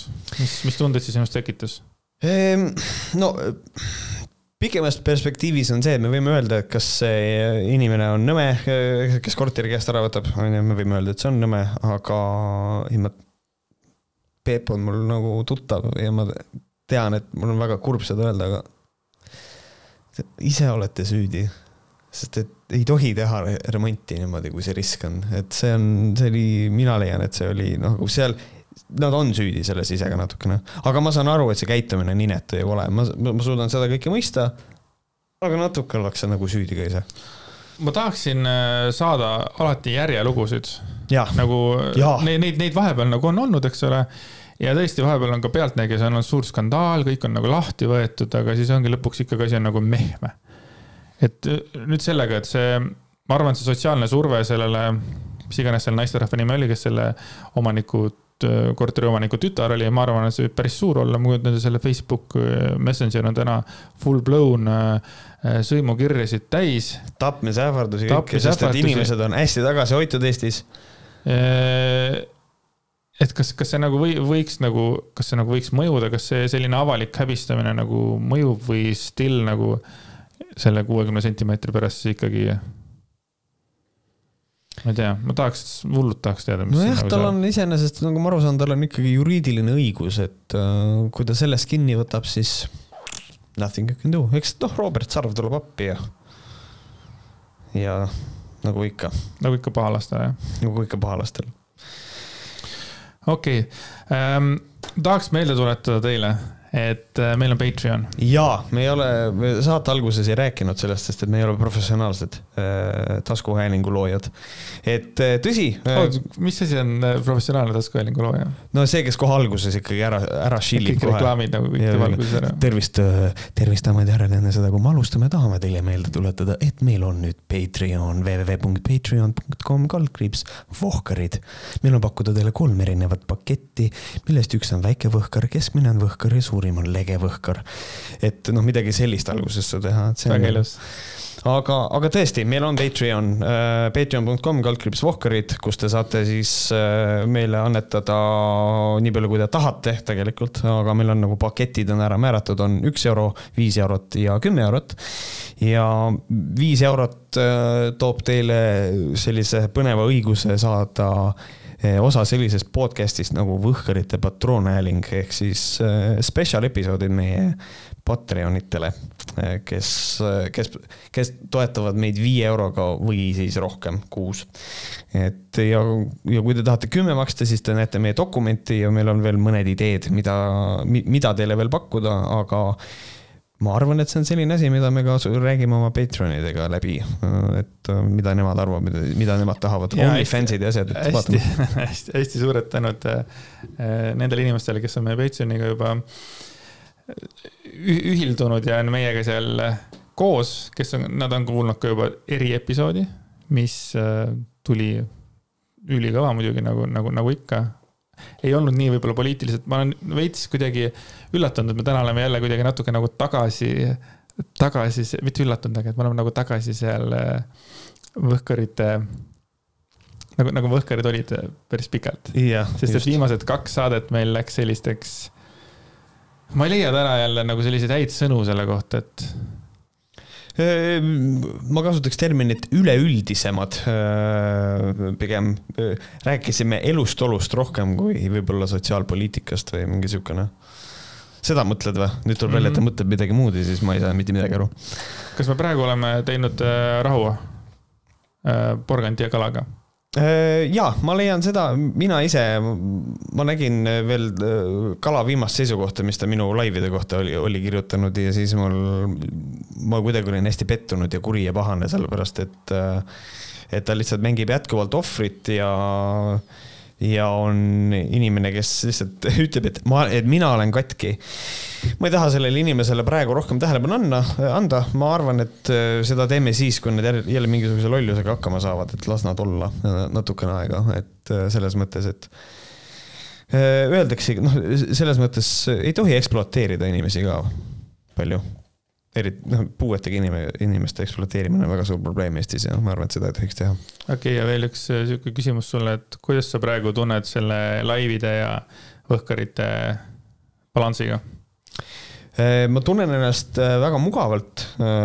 selles mõttes ma olen nagu võtnud nagu selle suuna, et kuna Võhkarite podcast'is on see, et me suhtleme üksteisega siis on selle kogu aeg lisaväärtus kui see, et ma üksi jagan mingeid seisukohti oma, oma live stream'is. Äh, on mingid teemad, millest, mida ma ei ole sihilikult puudutanud, eriti kui need lähevad nagu patroonhäälingu juurde, aga üldiselt äh, ma tunnen, et seal ei ole väga suuri probleeme, et võib-olla, võib-olla näiteks ongi see variant, et äh, juba mingisugused küsimused, mida minu käest nüüd laupäeval küsiti, ma olen nende peale rohkem mõelnud, et nüüd rohkem öelda, et, et selles mõttes ma leian, et see kõik on hästi ja mul on jäänud ka mulje, et tegelikult äh, mis puudutab meie siis nagu Võhkarite seda põhisaadet, mis me teeme, et siis äh, siin on ka audientsi erinevus ja siin on ka see, et ilmselt inimesed tahavadki rohkem dialoogi vormis kuulata võib-olla mõnda mõtet kaks korda kui ühe. selge. millal Aga... sina siis live stream'i hakkad tegema mul ei ole, mul ei ole veel sellist platvormi. ja okay. ma olen kogu aeg, mille peale ma olen mõelnud, on see, et ma kuna ma ei jaga sellest kaamera värgist mitte midagi, siis sul on see, et kord on mingisugune pilt on suur ja sina oled väike. siis järgmine sekund on mingi sina suur ja pilt väike ja siis järgmine hetk on juba mingisuguse ekraani või see, noh, see, mida sa parasjagu loed, on ju, see on mm -hmm. suurelt ekraani peal, on ju. siis järsku on mingisugune järgmine asi, et kuida-, vahepeal üritan vaadata, kuidas seda nuppu vajutad. et mingi asi tuleb äkki kiirelt peale, et nagu kuna sa, ma nagu ei näe seda, vaata mm. -hmm nojah, mul on, selle jaoks on software olemas, aga see on mul lihtsalt juba käe sees nii palju, et see tead, vilumusega tuleb kõik. aga, aga ma olen veits äh, nagu praegu veits pahuks ise sinu laivide vaatamisega. Äh, just sellepärast, et äh, nagu ma nagu kuulen sind nagu päris palju su mõtteid juba ära, vaata mm. -hmm aga samas ma olen nagu ikkagi põnevil, seepärast et mulle väga meeldib nagu see, see, mis sa teed ka live ides ja ma ikkagi nagu tahan nagu alati vaadata. et enamasti ma olen nagu noh, kohe koos sellega, aga siin viimane kord jah, ma jõudsin alles lõpus, et siis, siis oli juba kõik kõik oli juba kadunud. jah, siis me saamegi teha võib-olla juba juurde siukse asja, kus kohas äh, meil on Võhkaritel on eraldi väikene siukene sektsioon, kus kohas äh, Andres saab küsida, mida sa, Märt, sellega mõtlesid või kas sa saaksid palun natuke täpsustada seda mõtet, mis oma laivis ütlesid. siis on see Märt, Märt pingil okei okay., et äh, ei, äh, saab kõiki asju korraga teha, ongi, ongi. üks mõte veel, mis mul tuli praegu äh, Te laivis kuulasite ühte podcast'i ja selle kohta muidugi saadeti meil meil ka, aga ma ei hakka seda ette küsima, et, et kas te teate, et on olemas selline podcast bla,, blablabla, jah, teame küll. ja seal üks inimene nuttis mm. -hmm. ja sinu seisukoht selle nutu kohta oli minu arvates selline, et umbes, et, et inimene otsib haletsust vist või see, või see oli seotud ainult selle, selle episoodiga nagu um...? Minu seisukoht jah, siis ühesõnaga podcast'is inimene nuttis, kes on öelnud täiesti lolle asju minevikus, kes on öelnud seda, et depressiooni ei ole olemas ja siis ütles, et tal oli depressioon ja siis tal oli paanikahoogist, hakkas nutma. minu seisukoht oli see, et, et ei, ma usun, et ta nutis päriselt ja kui ta nutis päriselt, siis nagu sure, aga ma ei saa talle kuidagi väga palju nagu kaasa tunda, sellepärast et äh, see on inimene, kes on tugevalt nagu andnud väga vägevaid argumente, nagu näiteks seda, et mulle ei meeldi selline sõna nagu depressioon, sest et selle taga on põhjused. ma ei, noh, ma ei, ma ei tea, mida see tähendab, aga ta on siukseid asju öelnud ja, ja mul on nagu üsna raske, et ta nüüdsel hetkel, mina tunnen, et ta lihtsalt äh, nüüd, see hetk on käes, kus tema jaoks depressioon on mugav asi mis on tal ka olnud ja siis ta saab seda kaarti mängida. kui tal oli päriselt raske ja halb, mul on kahju, ma ei taha, et inimestel on raske ja halb, aga mulle ei meeldi seda, kui seda kasutatakse ära mingisuguse kaardina, et ennast kaitsta, mulle ei meeldi see. eriti võttes arvesse kõiki neid asju, mida ta on öelnud ma mõtlesingi pigem sellega, et podcast ikkagi ongi mõeldud ju noh, oma mõtete välja, väljendusena ja kui need mõned mõtted teevad kurvaks, siis äh, minu arvates nutmine äh, kas selles situatsioonis ei olnud nagu, ei olnud nagu mõnes üleliia, sest et ega kui, kui nagu noh, kurgus on nutt või kurbus, eks mm -hmm. ole, et siis see välja tuleb. minu arvates see teeb veits nagu isegi autentsemaks seda asja, et, et mina olin nagu täiesti teisel seisukohal mm. -hmm. mina kuulasin seda ja mul hakkas kahju mul hakkas fuck, mul hakkas päriselt kahju ja ükskõik kui rumal nagu inimene ka ei ole, mul on alati kahju, kui inimene kannatab siis äh, kas, kas, kas minu pärast või siis äh, kellegi teise pärast, et, et noh, mul on, mul on kahju, mul on, mul on, mul on -hmm. mul on kahju, et mul on sihuke empaatiatunne ja ma tunnistan, et mul fucking oli kahju, ükskõik kui loll või rumal inimene ei ole, ma ei taha, et ta nagu. ma ei taha seda võib-olla pigem näha, vaata. ja mul on probleeme üleüldse sellega, et näha inimesi, inimesi nutmas, et, et no mingi lapse, see on mingi lapsepõlve mingi probleem mul sellega -hmm. et, et, et ma nagu ei oska noh, ma ei oska nagu sellega midagi peale hakata ja mul oli kahju. Jah, no mina ise, ma nagu saan aru sellest ja, ja ma nagu austan seda seisukohta väga, aga ma olen selle koha peal natuke südametum ja ma äh, ütlen seda, et äh, mina leian seda, et terve see podcast oli tehtud selle jaoks, et et, et kaks inimest saaks iseennast hästi suurteks ohvriteks äh, mängida kogu selle, selle valeinfo, valeinfo ja kõige selle levitamise peale, mis nad on teinud ja siis nad teevad ennast õudselt ohvriks ja siis üks inimene hakkab nutma sellepärast, et tal on raske, kas sellepärast, et tal on aju pestud või sellepärast, et see on mugav, ma ei tea, on ju. ja siis on, ma kuulen seda, mismoodi küsitakse, et me ei pea praegu salvestama ju. Ja siis, aga ikkagi see kõik on sees, see kõik on, see, see kõik on seal olemas. Ja see kuidagi toidab seda üleüldist ohvri mängimist nii palju, et ma lihtsalt olen selle koha pealt täiesti südametult ütlen, et äh, ma ei, ma nagu selles kontekstis väga kaasa ei tunne ei, see on, praegu päris hea nagu loogika. ma tean, et me oleme, äh, kui me intiimset järelust äh, podcast'i teeme Lemmega, siis ma arvan, et Lemme on mingi, ma arvan, kümme korda nutma hakanud saate jooksul mm. -hmm. ja mina olen üks kord hakanud nutma ja see kõik sisse ja saate lõpus ma rääkisin oma vanaisast ja, ja sellest, kuidas ta enne ära suri, kui ta mind õpetas malet mängima, et ta nagu noh, meil oli plaan, et ta õpetab mind, aga mm, -hmm. aga saad aru ja siis, ja siis mul tuli ka emotsioon tuli peale. ja, ja, ja noh, samamoodi täiega nagu hakkasin nutma ja jätsin selle sisse puhtalt sellepärast, et see on nagu autentne, et ma ei otsinud kellelgi nagu selles mõttes mm -hmm. kaastunnet, et vaid et, et, et see, see ma olengi, vaata mm. -hmm. jah, ei, selles mõttes see on nagu jah, see ei muuda minu, minu seisukohta jaa. muidugi praegu, aga, aga ei, ma olen nagu selle, eks kõik podcast'id, mis tehakse või noh, taskuhäälingud siis, et kõik need on siuksed. See oleneb sellest stiilist, et mina olen alati noh, näiteks kui võtame näiteks seda, seda taskuhäälingut, mida me siin praegu teeme, et Võhkarid, Võhkarid on minu jaoks olnud alati nagu okei okay,, see kõlab vist ebaõigesti, aga nagu professionaalsem saade. ja, ja, ja noh, ta kindlasti ei ole seda, sest et Märt Koik on siin saatejuht. aga, aga üldiselt äh, kui see neile podcast'i sobis ja nad tunnevad, et see sinna sobib, siis sure, laske käia, aga minul on ikkagi õigus äh, näha seda suure manipuleerimistaktika, nagu ma tunnen, et see on seda. True, vot, aus. aga rääkides manipuleerimisest, siis Võhkarid on äh, eetris, kui midagi põnevat ei juhtu, siis äh, ülejärgmine nädal äh, salvestame saate päev enne seda, kui see ülesse läheb, kes veel ei tea. me oleme olemas kõikidel põnevatel platvormidel nagu SoundCloud, kust Andres soovitab mitte kuulata ja, aga me oleme Spotify's, Google Podcasts, Apple Podcasts ja siis äh, Youtube'is ka koos videoga, which is amazing by the way. ja meie poolt, meie poolt tänaseks kõik. ma ei tea, püsige kodus, olge turvalised, ärge jääge haigeks, me armastame teid, tšau. tšau.